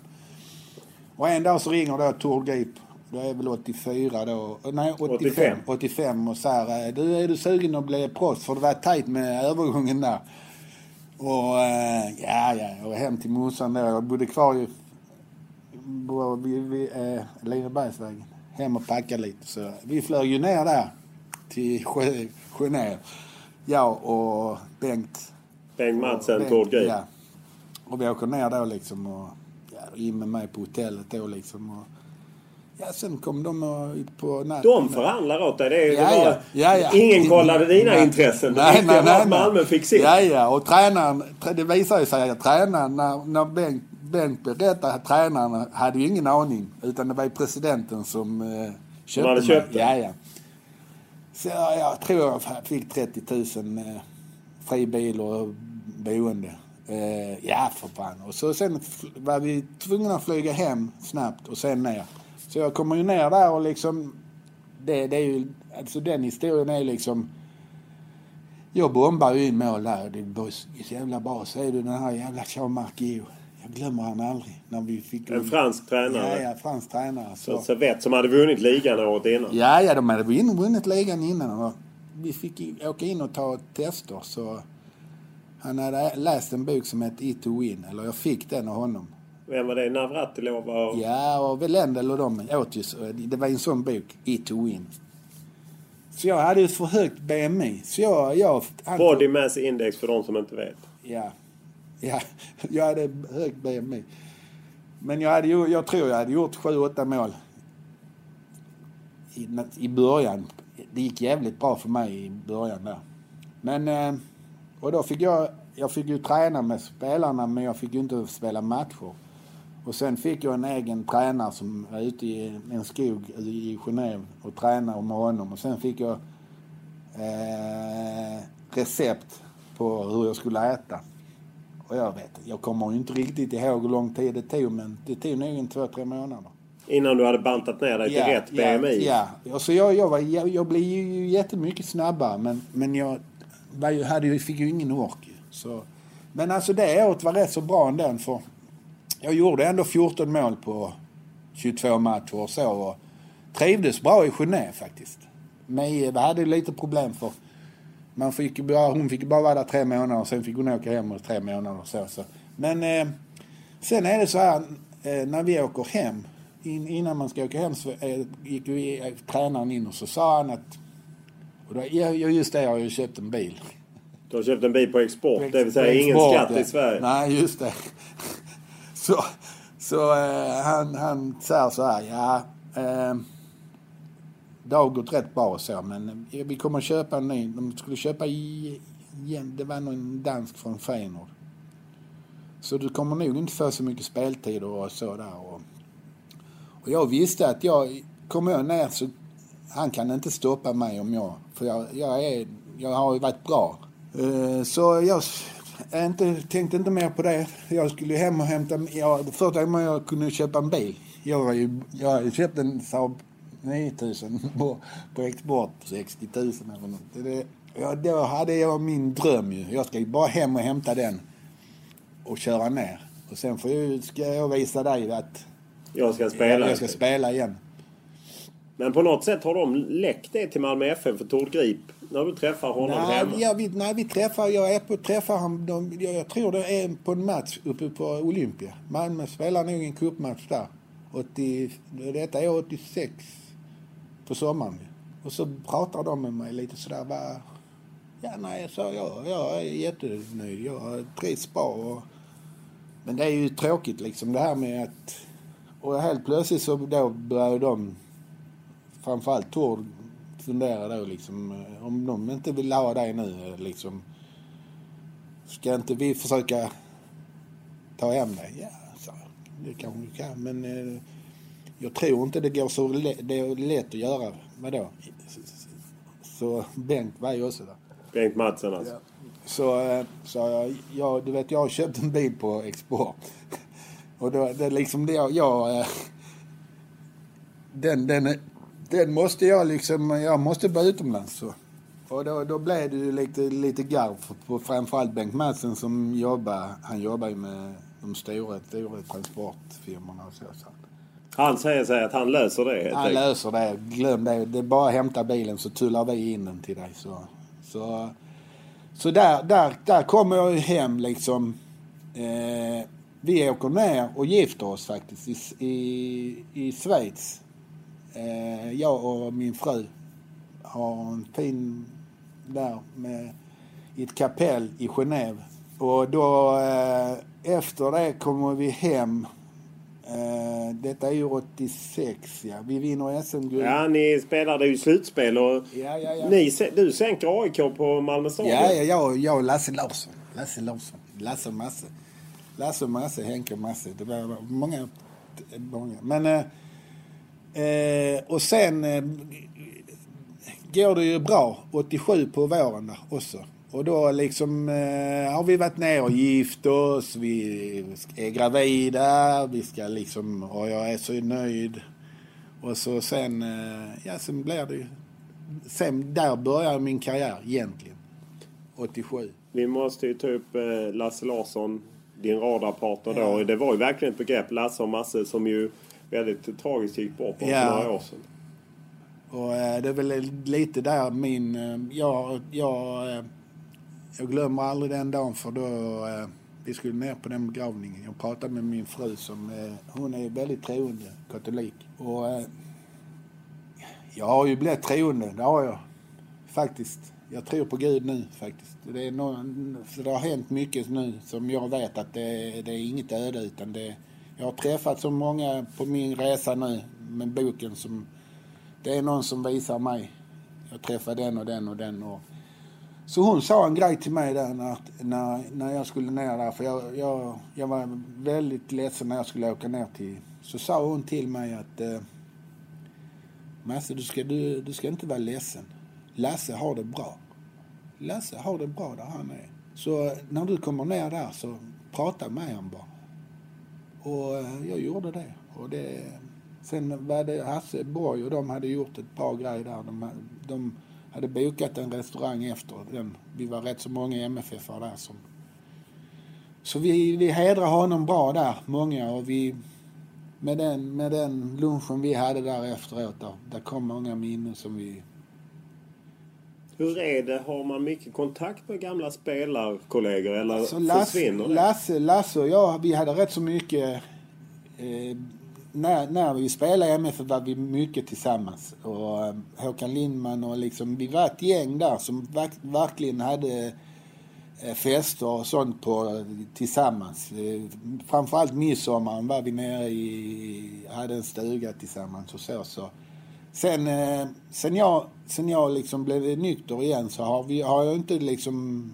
Jag har ju träffat honom och sånt när vi har haft MFF ibland och sånt. Och, och, eh, så det, så det, var lite, det var lite chock för, för jag, när jag, jag fick ju ett tränarjobb med Trelleborg för två år sedan eller. Och då var jag där nere så var det en som sa du Lasse, Lasse mår inte, Lasse har eh, sjukhus? Ja, ja. Så när jag kommer hem då så ringer jag till Håkan Lindman igen, min, min, min eh, savior. Och frågar om han eh, har hört och så, eh, så han ringer faktiskt till Lasse men då, då svarar hans dotter. Eh, och då hade han gått bort. Han var inne på... Så det, det gick snabbt, sex snabbt så... Eh, så eh, sen... Det var många som där... Jag hade en granne som också gick bort Eh, nu sen jag blev nykter. Och sen Claes Ingesson, liksom också en som men jag och Lasse, vi, just efter min karriär, min, min där så hade det var inte som vi umgicks. Men när vi var i Malmö umgicks vi mycket. Så Lasse hade en stor plats i mitt hjärta. Han också faktiskt. Du nämnde ju eh, det här VM-målet, klassiska 2-2 målet. Det är en fantastisk historia som du inleder hela boken med när Hasse Borg, den ständiga affärsmannen, lyckas gräva fram ett par Puma-skor som han vill att du ska ha och du tror ju knappt du kommer få hoppa in heller. Nej. Nej, det var faktiskt så. Vi hade ett läger i Strängnäs. Så han hade ju börjat på Scanpro då, så hette det i Göteborg. Och han började redan där prata. Så. Det roliga var att jag, okej, okay, jag, jag, han, jag var inte svår att övertala. Jag hade aldrig haft något skokontrakt. Så. Fick något betalt? Eh, nej, det var inte just då. Utan det var mest att Eh, jag skulle få ett skokontrakt och sen... Eh, eh, han, han, han, han tänkte lite faktiskt på... Jag spelar ju i Schweiz då ju. Att eh, om du kommer hem efter Schweiz så har du ett jobb på Puma Så det var lite så han lockade att eh, du har alltid en, en där. Och, och det roliga är ju att han hade ju inga skor. Så han ringde ju ner till Scanpro direkt. Och jag vet inte riktigt hur det är men när jag har pratat med Hasse nu, det, det är ju med i boken, alltså hade han bestämt, han hade frågat Laban innan vi åkte från hotellet att är det okej okay, vi stannar för där låg ett, en post på vägen ut till äh, Råsunda. Ja, och så... så, så han springer av och hämtar ja, ja, han springer av. Han springer av in på posten och hämta de skorna. Och det roliga är ju, det roliga är ju liksom att det är inte ofta man har på ett par nya skor första matchen. Så, eh, men eh, eftersom jag satt på bänken och så eh, ja, jag tog på dem. De är ju kritvita och alla bilder ser man ju efteråt. Så, så sa han, du kommer in, kommer in i slutet och så avgör du. Och så liksom upp med skorna, upp med skorna. När han sa, jag vet att du kommer in och du kommer att avgöra matchen. Och det är ju historia när du eh, kommer in. Det står 2-1 ja. till, till Västtyskland som det hette då. Och eh, du löper igenom på Torbjörn Nilssons passning och skickar 2-2. Det är en minut kvar och jag sa ju till Laban, du kan inte byta nu. Ja men Andreas, så jag tackar Andreas Ravelli för han, han är, är helt slut. slut. Han är helt slut ju. Så, så är jag bara in där och jag, jag satt och frös för det var i oktober eller och det liksom med, med tajta fotbollsskor där så jag in ju. Och, och sen är det ju bara liksom inkast, pang, pang, pang och så sen den passningen och så, sen springer jag runt. Jag har, jag har ju fått kritik för att jag ger Glenn Hysén en armbåge. Han vill, vill ta tag i mig. Men sen gör de ju inte avspark. Det är ju det som är det, är det, som är det sjuka. De gör inte avspark efter målet. Och först in på plan. Och då var Hasse ändå 17 man. Det var Hasse. Han var före Laban in på plan. Hasse Borg alltså? Ja. Han, var, han, han ville ha upp skon? Ja, ja. Så han, han, han hade sett... När, när jag sprang där då krutade han ju ner. Och så in på plan när jag kom dit. Och så blåste de av. Då var han inne med inne på plan. Vad var det jag sa? Vad var det jag sa? Så det är, en, det, är en, det är en sån, liksom, det händer ju inte. Jag läste Buster. Jag kommer ihåg, det är en sån lite Benny Gullfit va. Jag menar, och just det att, att man gör ju inte ett byte när det är en minut kvar. Nej, och man ligger under. Nej. Men Ravelli orkar inte. Nej, han var helt slut alltså. Det tunga är ju bara, det finns ju ett makalöst stopptid Jens Lind har klippt ihop och det visar väl också hur nära vi kom landslag, eller journalister kom landslaget. De sitter och filmar er. För detta, det kanske är september det här mot Tyskland och sen är det i oktober för det är nämligen min födelsedag 1985. Ah. När Sverige först förlorar mot Tjeckoslovakien. eh, med 2-1. Han har tagit ledning med 1-0 Dan Corneliusson. Och sen är det kvällen när ni lyssnar på Tommy Engstrands referat. Västtyskland, Portugal. Västtyskland har aldrig förlorat en kvalmatch hemma och de förlorar mot Portugal. Och Sverige missar VM. Ja, det är helt sjukt. Och ni grät. Ja, ja, det är klart. Det är klart. Det gjorde vi faktiskt. Sen eh, var det ju liksom... Eh, det är ju så när de... När, när, och det roliga med det är ju Carlos Manuel, han skjuter ju ett sånt jävla skott alltså. Och, och han är den första som hjälper mig när jag kommer till Lissabon. Som kör mig till träningarna. Han som alltså sänkte ditt Ja, VM-hopp. ja, ja, ja. Det, det, där ser du lite vad, vad, hur roligt det kan vara i fotbollens eh, värld. Men eh, även fall du är med i landslaget, både då under Laban Arnessons sluttid, man missar VM och man missar ju även sen EM under Olle Nordin. Tar sig förvisso till VM, men du är aldrig riktigt given liksom. Nej, alltså först, först när Olle kommer så blir jag lite... Eh, han, vi har, ju- vi, jag vet att Marcus har pratat med honom nu inför boken och så. Och eh, han har ju berättat lite att han byggde faktiskt lite upp med eh, mig som... Eh, Det är ju Johnny Ekström. Ja, som en eh, stomme där med, med tärn och liksom. Så han hade ju faktiskt det, en, eh, en tanke där så. Jag, jag var nog mer ordinarie då. Jag menar, när vi kommer till VM så är det ju, det är ju mitt, mitt år ju egentligen. Ja, du har ju haft, precis som du har tagit med, berättat om tidigare, du har gjort 33 mål i Benfica när jag spelat Europacupfinal. Förvisso förlorat med 1-0 mot ett då magiskt Milan. Och ni kommer till VM och på något sätt ska det ju bli ditt. Men du går sönder i en närkamp med Dunga. Och egentligen hämtar sig aldrig karriären fullt ut efter det. Nej, det gör det ju inte faktiskt. Ja, det gör ju det. det jag, jag, fick, eh, jag fick ju en, en... Efter det här... Jag kom ju tillbaka till Benfica där.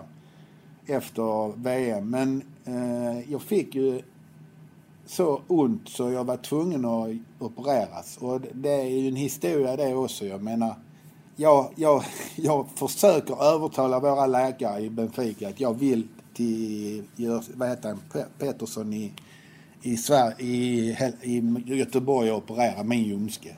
Eh, för det visade sig att muskeln var avslut, den var helt av uppe i...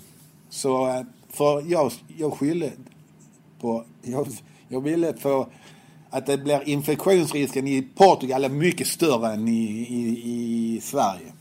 Så, eh, och de gick med på det med mycket, mycket, mycket, mycket... Eh, det var inte lätt att få dem att göra det. Och då, då var det ju så att eftersom det, det skadan tillkom ju egentligen med landslaget från början. Så ja, sen litar jag på... Så jag åker upp där och åker hem. Så när jag hos, bor hos mamma på Lidenbergsvägen. Och jag har min kusin hemma som för sköter om mig lite. Och sen började det vara, vara i såret. Och så eh, jag får ju hög feber och så, så, så jag ringer till Harald Roos som är HFs läkare. Så jag, jag kommer med en ambulans sa han. Så åkte vi in. Och då var det ju så att då, då fick de ju öppna såret. För det var, det var, det var en stor infektion. Det du ville undvika speciellt. Ja, och liksom så det öppna såret och då går det inte att sy ihop det. Utan, och sen när jag ligger där på intensiv, eller på isoleringen i Helsingborg så efter tre veckor och sånt så jag, jag, får ju jag får ju en smärta i underlivet så jag, jag kan knappt re- resa mig och gå. Så, och de, jag åker in och ut på alla jävla... eh, eh många, många, många undersökningar på... Ja, de kollar allting men hittar inte det. Men, så jag blir ju där rätt så länge. Eh, kanske fler, eh, en, en månad ligger jag där på isoleringen och de hittar inte varför jag är där. Så Mie åker hem från Portugal. Som, eh, eftersom jag då liksom... Jag skulle egentligen bara hem och operera. Åka ner till Benfica och rehabilitera. Men eh, det tog en tid där innan jag kom i kapp och eh, kan det ta kanske sex månader. Jag låg i Sverige och rehabilitera och allting. Och, eh, så familjen kom ju hem så vi var, bodde i Sverige och hemma hos Mias föräldrar. Och, och sen när jag var fit så skulle jag åka upp till eh, Pettersson. Han ville ju att jag skulle åka upp innan innan eh, han kollade så att jag kunde åka ner och vara fit och, och så. Och då allt, alla de papperna som jag hade från Helsingborg, de, de försökte få, för, för, för jag hade haft så jävla ont i underlivet. De kommer upp och så då tittar han, så hittar han en lös skelettbit i andra ljumsken. Som det är den som har gjort att jag inte... Och detta är alltså sex månader av att och, eh, då är det andra gången jag ska ringa ner till Benfica och säga att för han ville ta bort den. Ja, jag inser att de inte var helt glada. Under den här tiden så drar ju Tommy Svensson igång sitt landslagsbygge. Ja. Eller hösten är det ju Nisse Andersson men sen drar han igång och på något sätt där är du ju aldrig riktigt med. Nej. Det blir ju så liksom att jag, jag kommer ju tillbaka där 91, 91 ungefär, 91, 90, 80, slutet på 90 Nej, 91, Nej, 91, 91 är du tillbaka ja, i spel. Ja, i spel. Och då bygger han ju ett, ett landslag på ja, EM 92. Ja, ja. Och, Men du är aldrig uttagen? Nej, aldrig. Och jag, jag var... Kan du känna någonting att du, liksom, du är med i VM 90? Många av de spelarna var ju sen med både EM 92 och framförallt VM-bronset 94. Ja. Jag menar 94 hade ju du varit 31 år egentligen. Ja. Men alltså jag, jag, jag, jag känner ju att 90, 91 var ett eh, återhämtningsår för mig, 91.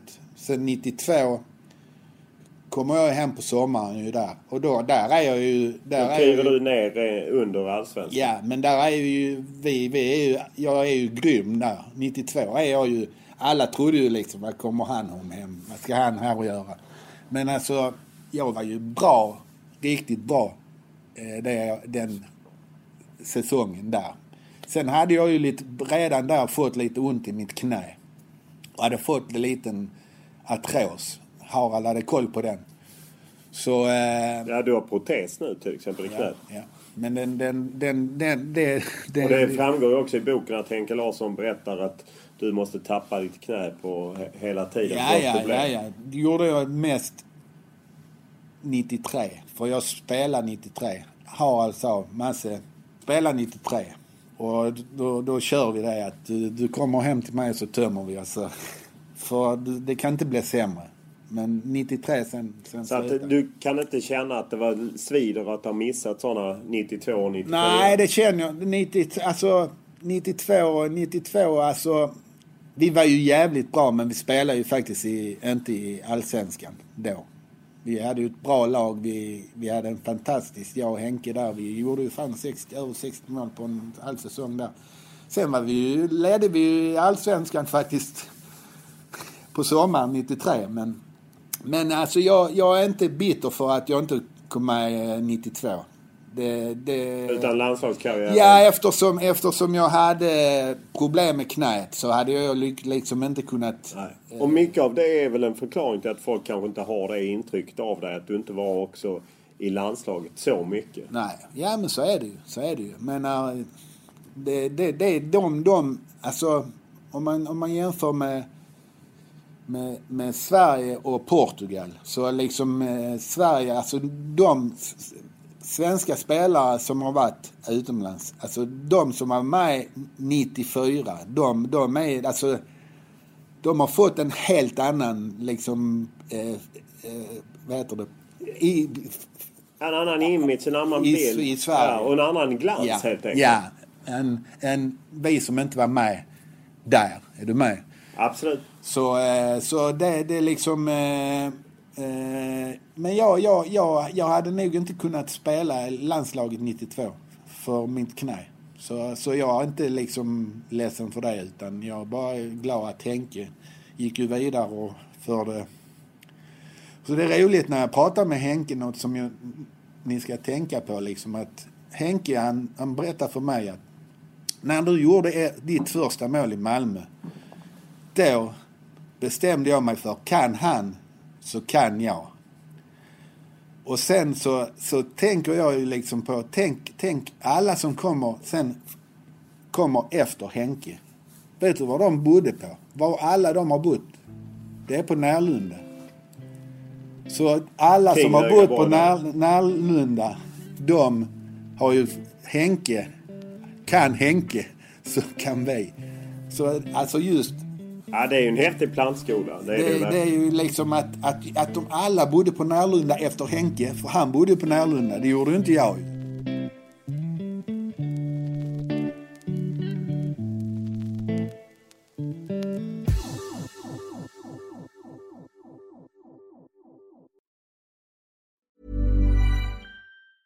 Hi, I'm Daniel, founder of Pretty Litter. Did you know cats tend to hide symptoms of sickness and pain? I learned this the hard way after losing my cat, Gingy. So I created Pretty Litter, a health monitoring litter that helps detect early signs of illness by changing colors, saving you money and potentially your cat's life. Pretty Litter is veterinarian developed, and it's the easiest way to keep tabs on your fur baby's health right at home. Go to prettylitter.com and use code ACAST for 20% off your first order and a free cat toy. Terms and conditions apply. See site for details. Quality sleep is essential. That's why the Sleep Number Smart Bed is designed for your ever evolving sleep needs. Need a bed that's firmer or softer on either side? Helps you sleep at a comfortable temperature? Sleep Number Smart Beds let you individualize your comfort so you sleep better together. JD Power ranks Sleep Number number 1 in customer satisfaction with mattresses purchased in-store. And now, save 50% on the Sleep Number limited edition Smart Bed for a limited time. For JD Power 2023 award information, visit jdpower.com/awards. Only at a Sleep Number store or sleepnumber.com. Life is full of awesome what ifs and some not so much, like unexpected medical costs. That's why United Healthcare provides Health Protector Guard fixed indemnity insurance plans to supplement your primary plan and help manage out-of-pocket costs. Learn more at uh1.com. Perigo, é Magnussen, pode marcar. E marca, e marca, e marca. Do Benfica. E volta a perder Tomás. Magnussen muito perigoso e faz o 2-0. E faz o 2-0. Realmente não se pode dar facilidades a este jogador do Benfica, ao Jack Magnussen, que avançou decorridos 15 minutos, aliás, 17 minutos de jogo, faz o 2-0 para o Benfica. Muitas falhas na defesa da Académica, José. E outra pífia da defesa da Académica. Magnussen, hat-trick, hat-trick Magnussen faz o 3-0. 3-0 jogo. Uma nova deficiente atuação da defesa da Académica. Muito deficiente. Magnussen a aproveitar. Det här är en liten språkig ljudupptagning av ett Mats Magnusson hattrick för Benfica 1991. Han hade några makalösa år i Lissabon. Han gjorde 84 mål på 120 ligamatcher, blev portugisisk mästare och spelade två finaler i Europacupen, dåtidens Champions League. Hans bästa säsong i klubblaget, 1989 och 90, så landade han på otroliga 33 mål på 31 matcher och borde ha vunnit guldskon. Men efter en minst sagt tveksam upplösning i den bulgariska ligan smet en viss Risto Stoichkov förbi Magnusson. Lissabon framkommer, du gillar ju verkligen ditt Portugal, det framkommer i boken och så. Där var du ju gigantisk. Men du hade det föga charmiga smeknamnet en eh, Rato Branco, Vita Råttan. Ja. Det låter ju inte så charmigt. Nej, men det, det, men det är kanske charmigt. Ja, det är det charmigt. Egentligen var det Rato Amarello, gula. För det var lite mer det var lite blond, blond, blond, ja. Och det är Silvino då som är, som är andra tränare eller assistent till Mourinho idag som... Jag fick det namnet faktiskt. Och jag vet inte om den finns kvar, men det var ett korplag i, i Helsingborg som eh, eh, tog namnet Vita Råttan faktiskt. Av mina kompisar. Benfica så gör du ju 84 mål på 122 matcher och jag menar du eh, excellerar ju på många sätt. Du kan ju göra mål med bägge fötter och huvudet och, och så. På något sätt beskriver du hur många ifrågasätter. För det blev ju... Det hade ju varit svenska spelare där innan och det kom ju svenska spelare efter. Men när du kommer så är ju du ensam svensk och förvisso en dansk tränare. Men du gör ju närmast succé direkt. Ja, så jag, jag, jag, jag, jag, jag, jag, jag kommer ju dit där och det roliga är ju, Ebbe var ju... Eh, Ebbe Skovdal. Ebbe, Ebbe Skovdal var ju, han hade ju sett mig. Han visste ju vem jag var. Vi hade träningsmatcher mot Bröndby och sen var det ju samma att Börje hade ju honom också i sitt stall. Börje Lands agent. Ja. Så eh, det blev naturligt där men eh, det roliga är ju liksom efter, kan det vara fjärde eller femte matchen så förlorar vi hemma mot Maritimo tror jag. Och då får han sparken. Så eh, han var ju lite en trygghet men eh, jag, jag, jag ska försöka förklara min, min kärlek till, till eh, Liz, framförallt Lissat och framförallt klubben Benfica. Som, eh, när jag kommer dit där så är det många, många människor som tog hand om en. Man kom in i klubben. Gaspar Ramos då som var sportchef, han, han, han verkligen... Sen var det ju en fördel att Börje hade en stor kontakt med hela styrelsen i Benfica. Men de verkligen, verkligen, verkligen. Och sen är det svårt att sen att Börje, Börje han, han, han, han förberedde mig. Jag, jag fick ju innan jag åkte ner där en, en liten pärm som där stod vad spelarna hette, vad Med bilder hette och lite. bilder och lite sådär. Så, Så du skulle och, känna igen Ja, dem? så jag skulle kunna känna igen dem och kunna veta att det är faktiskt presidenten och det är sådär. Och sen, sen sa han, nu ska du, jag, jag fick ju en, en som lärde mig portugisiska. En språkprofessor. Ja, ja hon, hon, var, hon var en gammal svensk som bodde där och, och sen eh, Sen går det bra i början och det, det flyter på och sen de eh, Börje är ju fantastisk för jag menar han går in och säger så här, titta här. Då, jag hade ju egentligen bara två årskontrakt från början och eh, efter ett och ett halvt år där så säger ju ben, ben, ben, ben, eh, Börje till dem att ni måste ju liksom och då förlängde, förlängde då, till tre år till. Så mina, mina år där liksom, jag har fått så många vänner och Börje, Börje lärde mig en grej att jag vet inte om folk förstår vad det me- jag menar när hut går igen. Eh, att sköter du dig och är ödmjuk och så, så, så kommer det tillbaka. Va? Det är liksom sådär. Och, och de fem åren jag var där så det är svårt att förklara en Benfica som är en sån... Det, det, man kallar ju det här, Benfica är ju någon mystika, mystika. Man kallar det, det är något mystiskt med katedralen som då den gamla stadion hette med 120 000 sittplatser. Eh, fansen, de är 300 000 medlemmar. Liksom, eh, så det, det, är något, det är svårt att, att förklara den här klubben, Benfica. Alltså, att man blir Benficista som, som eh, Stefan eh, säger också det här. Det, det, är liksom, det, det går inte att förklara för... Jag brukar säga så här. För, försök att förklara för en som inte har barn hur det är att få barn. Det är ungefär samma svårt att förklara för en som inte är benfikista Vad det är för något. vad det är för något. Va? Och eh, de fem åren där och just att börja, börja, han lärde mig. Jag började prata språket och jag har fått så många, jag har spelat med Valdo.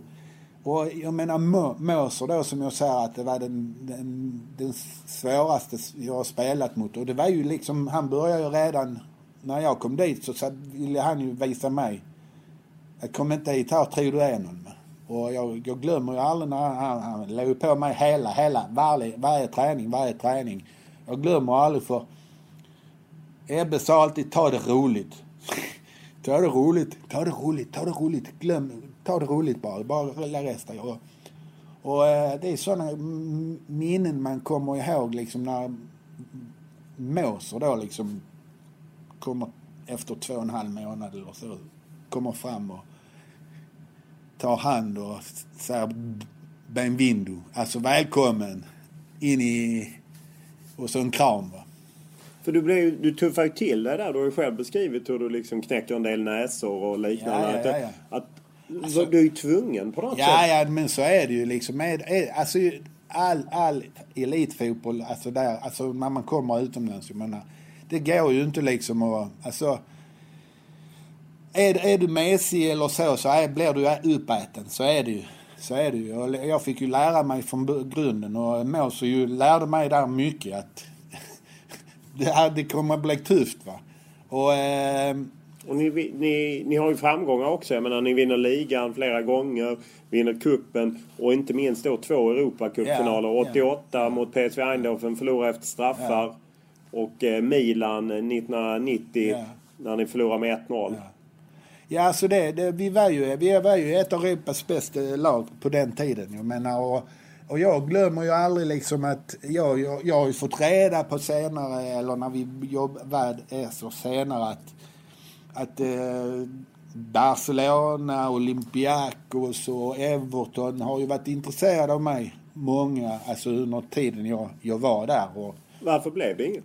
Nej, jag tror att Börje... Börje så Börje tog det beslutet? Nej, Börje, Börje, Börje hade nog inte... Jag, Börje, vet jag att hade koll på att vi skulle faktiskt åka till eh, Olympiakos och titta på något för, och så. Men, men eh, när, han, när han berättar så, så att Benfica, Benfica de, de kunde inte. Eh, jag glömmer aldrig, ja, där är en intervju, eh, står så här att eh, det går inte. För fansen hade inte accepterat. Att, att Benfica att de, kan inte sälja nej, det? Nej. Eh, och eh, det, det är liksom den, den känslan är det. Jag vet inte varför men i det här som jag beskriver nu i den här boken att det, det, det, det, det, har inte, det är inte så att det blir mindre och mindre kärlek Alltså, jag kommer ihåg, de kommer ihåg mig. Det blir bara mer och mer. Va?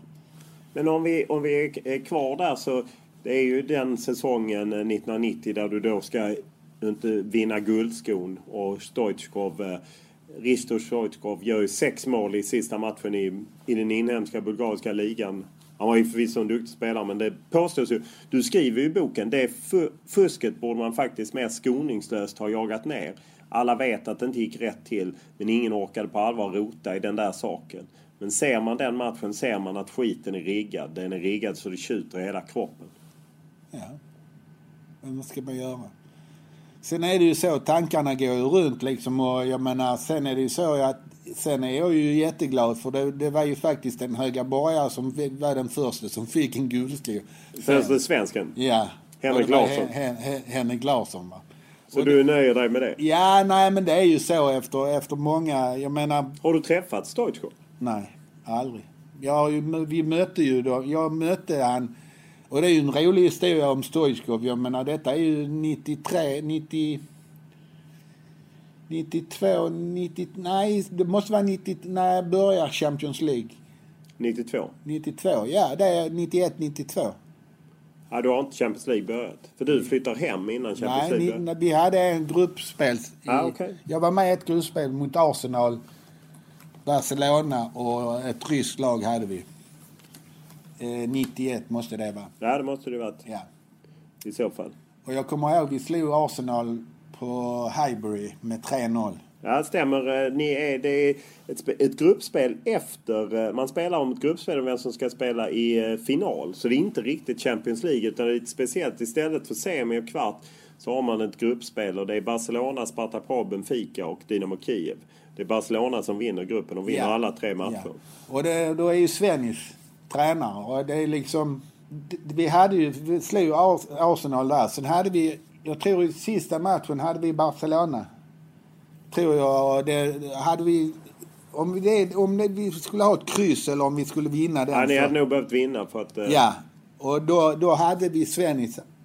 Vi hade någon, några, någon vecka där innan vi skulle möta dem. Och det är så roligt för vi, vi hade, taktiken var att vi måste stänga deras vänsterkant. Stoichkov spelar ju där. Han visste inte vem som skulle spela där, vi som skulle spela där och ta, ta bort honom. Och vi varje träning var det stänga vår högerkant. Och sen blev det José Carlos då som fick hela högerback. Och Jag var inte med från start i den matchen. Eh, för ja, det är ju 91-92 där var jag in och ut. Men efter 20 minuter så står det 2-0 till Barcelona och det är två inlägg från Stoichkov. Han var inte lätt att stoppa. Nej, jag tänkte det. Varför, ibland så tänker jag så här, varför, varför lägger man nu... Alltså, gå ut och spela ditt spel. Lägg inte för mycket fokus på... Vi la, jag kände som vi la för mycket fokus på just Stoichkov. Så jag har ju spelat, jag har suttit i, på Nou Camp och tittat på honom. Även en lite rolig historia i boken där du får mycket kritik ett tag för att du är ute och festar mycket. Och du fattar ja, ja, ingenting. nej, nej. Och det visar sig att det är en norrman Ja, som är ja, ute och ja, festar ja, som får en egen presskonferens. Ja, ja. Och berättar efter flera veckor, de Ja, har ju ja, ja, han konfronterat var nere dig. och jobbade som, eh, som eh, arkitekt. De hade något projekt där. Och jag, jag glömmer aldrig när jag kom ut. Och det liksom, folk, folk, det var så mycket journalister. Och så, jag glömmer aldrig för en, en kompis som spelar i laget. Han, han sa min pappa har kört dig till de här ställena. Ibland. Nattklubbar och sånt. Ja. Och var, var och så. Alltså, och jag, jag, jag var helt chockad. Och jag blev inkallad till eh, Gaspar Ramos och allting. Och jag sa så här. Det, det, det, är, det är inte jag. Det är inte jag. Ja men det, vi har, vi har, vi, vi har de, de hade, de, de, de trodde ju liksom. Och sen så visade det sig då att det, han var egentligen på väg att åka hem Den här norrmannen. den här norrmannen och liksom, men så det stod så mycket i tidningarna och sånt och bland hans kollegor och sånt och så så berättade de det för honom då liksom att ja det är en, eh, på det ställena där och så just när, han pratar om att dricka vodka juice. Vodka juice drack, drack, drack jag alltid. Alltså Skrev det? skrev, skrev de eh, eh, om, om att jag gjorde. Så kom han på, fan det är ju jag. Det är ju alla de ställena jag har varit på. Det är ju alla de ställen jag har varit på. Det är ju jag som har varit där. Jag, jag, jag, för då kom han på att fan han har fått skriva lite autografer och fått fria taxiresor och sånt. Så han, han gick ut då för alla journalister och sa att eh, det är jag. Och jag har en tidning hemma med den falske Magnusson. Så, så det är ju rätt så rolig historia i min eh, med alkohol, alkoholproblemen och allting och att Nej, redan där så liksom... Och just då var du ju oskyldig. ja, ja, det var jag faktiskt. Att just att du fick ner, ner svenska. Jonas Tern kom ju ner där. Jag menar, vad man förstår, Alltså, ni hittar ju varandra ja, väldigt Jonas, väl. Jonas, när Jonas kom, det var ju 89-90. Och det är då du gör 33 mål. Så Jonas betyder ju mycket. Sen, sen är det ju så här att Svennis kom ju också och, och han, han, eh, han hade ju en speciell... Han, han, jag, jag har ju en tanke på att, för jag, jag glömmer aldrig, för jag hade ju såna här vulkanbyxor. Detta efter VM, efter min ljumskada så var jag ofta, hade de här eh, vulkan. Det hade jag till och med uppe i Sundsvall när, när vi spelade där. Jag var den en- enda som spelade kortbyxor, men jag hade vulkan. Och eh, det hade jag för, eh, bara för... Det kändes bra att ha dem. Men eh, sen helt plötsligt så kändes jag fan jag tar av dem. Och eh, när jag kommer ut på en träning då så ser Svennis att jag har inte dem... Eh, så säger han, var är dina vulkanbyxor? Då hade jag ju börjat så, säsongen och göra många mål. Jag hade ju, alltså jag tror jag första, första, första tio matcherna så är jag- uppe i kanske 20, 20 14, 15 mål. Va? Så han var, var, var byxorna? Ja, jag behöver inte... Jo, de ska på. Så jag fick ha dem hela den säsongen. Han var vidskeplig. Ja, ja han, jag, jag tror han har li- lite med... När han var i Italien, Nisse- Nisse Lidholm var väl också sån lite eh, Vidskeplig vidskeplig. Hade, hade någon eh, spåtant och sånt som eh, han... Så jag tror Svennis var lite så också. Han, han sa du, du, de ska på. Du hade ju, eh, den som tar dig till Benfica är ju Börje Lantz. Han var ju inte agent i början men han hade ju ett tag så många spelare så att landslaget kallades Lantslaget, alltså med hans namn. Ja. Du är en av få som verkligen har försvarat honom för väldigt många. Tern, Schwarz, Dahlin. Många lämnade ju honom sen. Även Ja. Henrik Larsson. Ja. Men du har alltid försvarat honom. Jag vet jag ringde dig till och med när jag höll på med någon grej. Ja, nej, alltså börja, börja har alltid varit det, det, det jag tror eh, när han, eh, han börjar lite ta, börja med andra grejer med lite bygg, bygg, eh, bygg och sånt. När, men när jag var, hade honom de fem åren, då hade han bara fotbollsspelaren. Att det. Sen började han lite med eh, med lite en annan business med bygg, alltså byggbranschen och köpa lägenhet och så. Så jag, jag, jag tror att han tappar fokuset på... Och, för jag, för hade jag, hade jag... Hade inte jag haft Börje som agent hade inte jag varit i Benfica. Och du- även när jag kom ner där så jag, jag var... Jag fick åka hem när Mie skulle ha Natalie och hon kom inte. Och sen fick jag åka ner så han såg att jag mådde inte bra. Va? Så han, jag bodde hos honom från Nathalie hade varit född till jul när de kom ner. Så han, han, han, han, han betydde allt för mig. Hela familjen. Bodil, Gustav, Ulrika.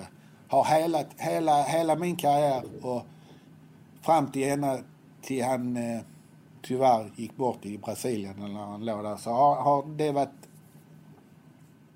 han Ja, du har alltid backat ja, ja. Men eh, när Jonas Thern lämnade Malmö så var det ju lite skumma affärer. Det vet väl till och med du. Och Ja. det dök upp pengar och sånt. Har du aldrig känt en rädsla av att du själv har blivit lurad på ett eller annat sätt? Nej, det har jag faktiskt inte. Eftersom eh, jag vet ju inte vad han... Ja, han var rakt med mig. Jag tar 10% på det jag ordnar till dig. Din lön, 10 det är, det är så. Eh, här ordnar jag något annat själv så brydde inte han sig om jag skulle ha något skokontrakt eller så. Utan han, han gjorde det. Och jag menar, han gick in och... För, alltså, han, han, han gick in och förlängde mitt kontrakt tre år efter ett och ett halvt år liksom. Så jag menar, han har bara gjort bra för mig. Han såg till så att jag faktiskt köpte en lägenhet och liksom investera lite. Eh, alltså, så, eh, och när jag mådde dåligt så kom han, kom han alltid. Jag ringt till honom när Svennis eh, petat mig och bölat. Men Börje tog alltid hand om det. Ja. Du var ju ute i en tid innan det här liksom exploderade. Man kan ju på något sätt säga att liksom den här pengaexplosionen började på något sätt en generation efter dig. Hur känner man i det? Nej, alltså jag, jag, jag, jag, jag, jag känner inte liksom att var tid har sin charm. Och jag menar, ja, det är ingen annan som har spelat fem år i Benfica, en av världens största föreningar som är eh, liksom störst på alla sociala medier och så. Och jag har inte, det är ingen som har spelat två Champions League-finaler. Sen, sen har jag ju haft, jag har haft ett bra liv, sen, sen rasade ju det. Eh, så nej, jag, jag, jag, jag, jag, jag, jag är ingen sån som säger okej, jag, ja, jag skulle spelat Fem år senare? fem år senare. Va? Nej, det har jag inte. För, I boken så är du ju rätt hård, eller om det är du och Marcus Birro ihop, att liksom dagens spelare är slarviga, egon, ingen lojalitet. Att du pekar ju mycket på det liksom. nej, att- men jag tycker liksom att det är, ju- det är klubbkänslan för, AIS är ju inte samma som, som... eh, Det är vissa spelare som fortfarande har den här. Jag menar, eh, det är ju många spelare, men det är ju inte sådana som liksom... Det är lite så här att jag, jag glömmer liksom, de glömmer lite alltså idag unga spelare, de, de, de börjar lite gnälla för de inte får spela. Det är liksom sådär liksom. Eh, och de har liksom, jag menar idag så, jag menar, där är en klubb som PSG och liksom spelare där. Sen, sen eh, så är det ju många av de här som jag, jag älskar ju att höra när, många gnäller på Christian Ronaldo. Som är liksom, och han har ju varit lite sådär, han filmar och lite sådär. Men han är den, den fotbollsspelaren som betalar, som skänker mest pengar av alla idrottsmän i hela världen till de som inte har det bra. Ja, det är svårkollad fakta men eh, Det- du, men det jag- kommer från nej, dig. Nej, Jag- men jag, jag, jag, jag, jag, jag, jag har läst mycket om och jag har sett mycket om, om, om eh, Ronaldo. Han, han, han skänker mycket, mycket, mycket till... Hans pappa sa till han en gång, jag såg den, eh, att Christian, ju mer du ger, ju mer får du tillbaka. Så, så jag, jag tycker liksom att det är ju egentligen sjuka pengar idag, så är det ju. Jag menar, när de, när de tjänar en miljon i veckan. Så jag menar, jag, jag, jag... Du hade inte tackat nej om du hade varit i den åldern kan man dock nog konstatera. Nej, absolut, absolut inte så. Jag menar, det, det, är ju, det, är liksom, det är ju inte spelarna man ska gnälla på, det är ju systemet. Jag menar, så är det ju. Du kom ju hem då. Du är bara 29 år när du flyttar hem till Helsingborg. Hjälper Helsingborg uppe. Ni har en fantastisk säsong. eh, Även fall C-systemet var lite speciellt. eh, Ni det var De fyra... ville, de ville ha upp HIF ju. Ja, och det var ju fyra division 1-serier. Det var inte bara kvalitet i den serien där ni vräkte in mål och sen var det kvalet. För att, eh, Halmstad gick ju upp redan på sommaren. precis. Ja. Så att ni spelade ju... Det var ju ni Landskrona Boys som tävlade om... Eh, Andra platsen. andra pla- ja, eller liksom den platsen i den serien. Så det var ju inte bara de bästa lagen i Nej, Sverige det ni mötte. Nej. Men ni vräkte in mål. Och ni tänker... Det förstår man att det var stort för dig ändå fastän du hade ditt förflutna i Malmö FF. Ja, men det, det är samma. Jag, jag, jag är en rätt så va- vanlig människa. Så jag, jag är en... Jag är uppväxt på Högaborg. Är du med? Jag är en uh, arbetargrabb som uh, blev bra på fotboll. Det är samma nu när jag kommer i... Alltså jag glömmer ju aldrig när jag, jag kommer in på min arbetsplats. Idag så säger vissa där, du bara kom in och så acceptera. Du har, du har varit liksom där uppe och så kommer du in i en plåtverkstad här. Bland bara vanliga och bara gillar läget och... Vad var vi? HF-trumfen Ja, nej, att det var stort ja, för dig det- och det- knutpunkten. Ja, ja, jag menar knutpunkten där. Jag menar, 6 000 tar ja, emot det. Ja. Och jag menar på den tiden var ju liksom, vi var ju åtta stycken från MFFs organisation som tog på HIF. Det är ju det som är lite tråkigt med historierna idag att det, är så mycket, jag menar på den tiden var det ju liksom ett samarbete egentligen. Ja, det var ju så att Ingvar Venehed som hade suttit i MFFs styrelse Ja. blev ordförande i HF. Ja. Alla förstod värdet av att få upp Ja. HF. Och Per Ågren spelade i laget och det var ju flera andra. Anders Jönsson. Och vi hade ju liksom Janne Möller och innan, ett dess, innan dess så var det ju, hade ju både Servin och, och Sjöberg varit där en runda också. Så att det, det fanns där. Men så att hur följer du Malmö FF och Helsingborgs IF idag? Alltså jag, jag, jag, jag, jag, jag, jag är lite så här, det är det konstiga jag märker det är liksom, jag är ju, jag är ju egentligen, man kan säga jag är himmelsblå, men jag har en kärlek till HIF också. Eftersom jag är från Helsingborg och HIF är en klubb som jag alltid har haft respekt för. Och jag spelade faktiskt ett år och mycket kärlek i den klubben. Och, eh, och eh, en, en tanke som slog mig faktiskt, det är ju liksom, när vi gick upp så var det faktiskt 24 år och 11 dagar de hade varit ute.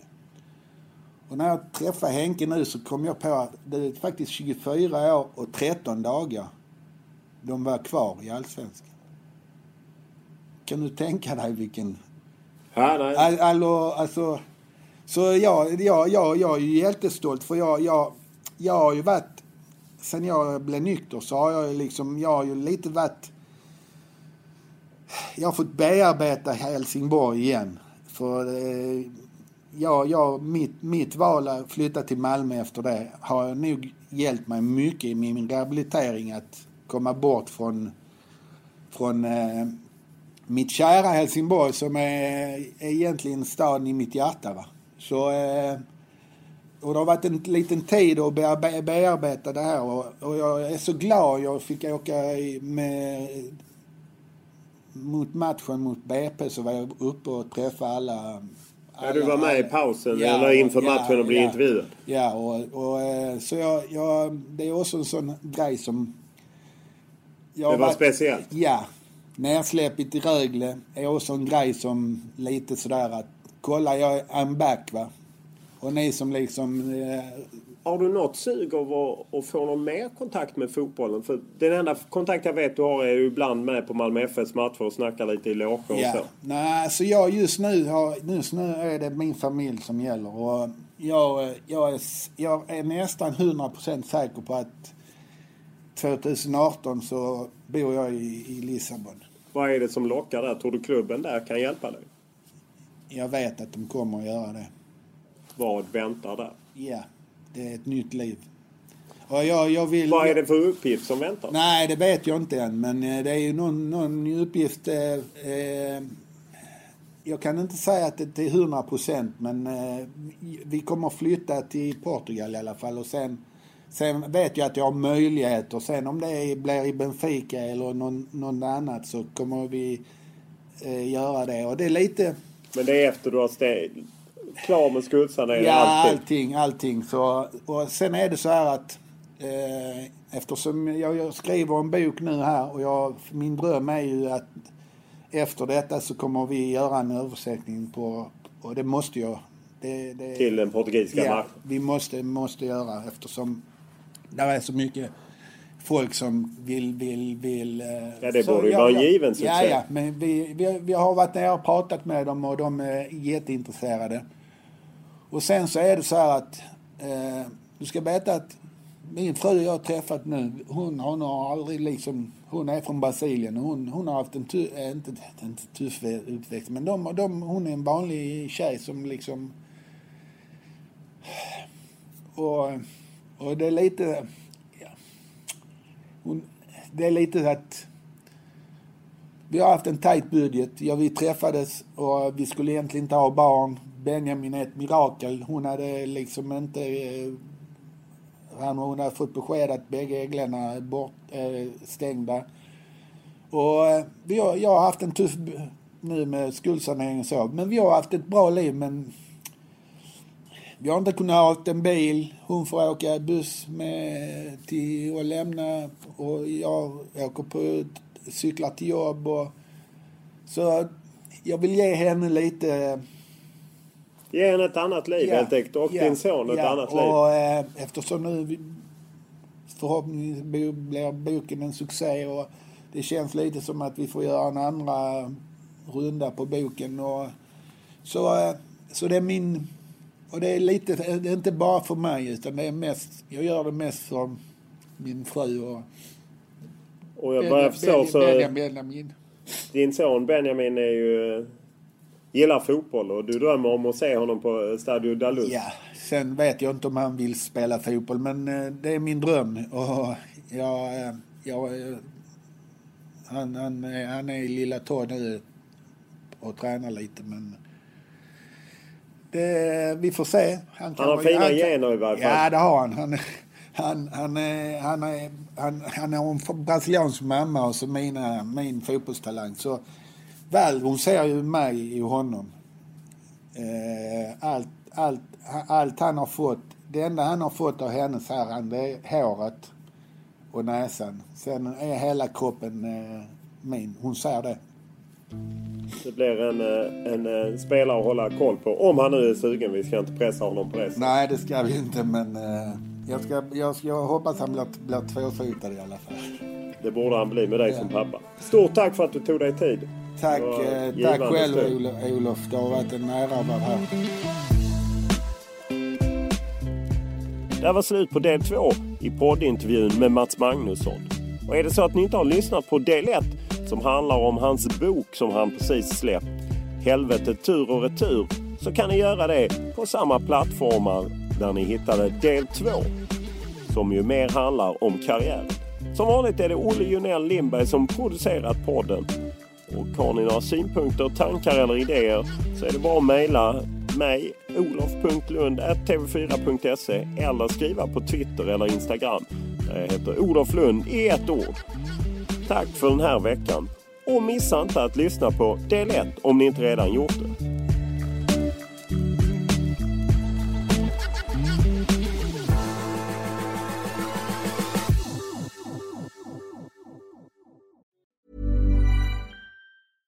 Mom deserves the best, and there's no better place to shop for Mother's Day than Whole Foods Market. They're your destination for unbeatable savings, from premium gifts to show-stopping flowers and irresistible desserts. Start by saving 33% with Prime on all body care and candles. Then get a 15-stem bunch of tulips for just $9.99 each with Prime. Round out Mom's menu with festive rosé, irresistible berry chantilly cake, and more special treats. Come celebrate Mother's Day at Whole Foods Market. Planning for your next trip? Elevate your travel style with Quince. Quince has all the jet setting essentials you'll want for your next getaway, like European linen, premium luggage options, buttery soft Italian leather bags, and so much more. And it's all priced at 50 to 80% less than similar brands. Plus, Quince only works with factories that use safe and ethical manufacturing practices. Pack your bags with high-quality essentials you'll be wearing for vacations to come with Quince. Go to quince.com slash trip for free shipping and 365-day returns.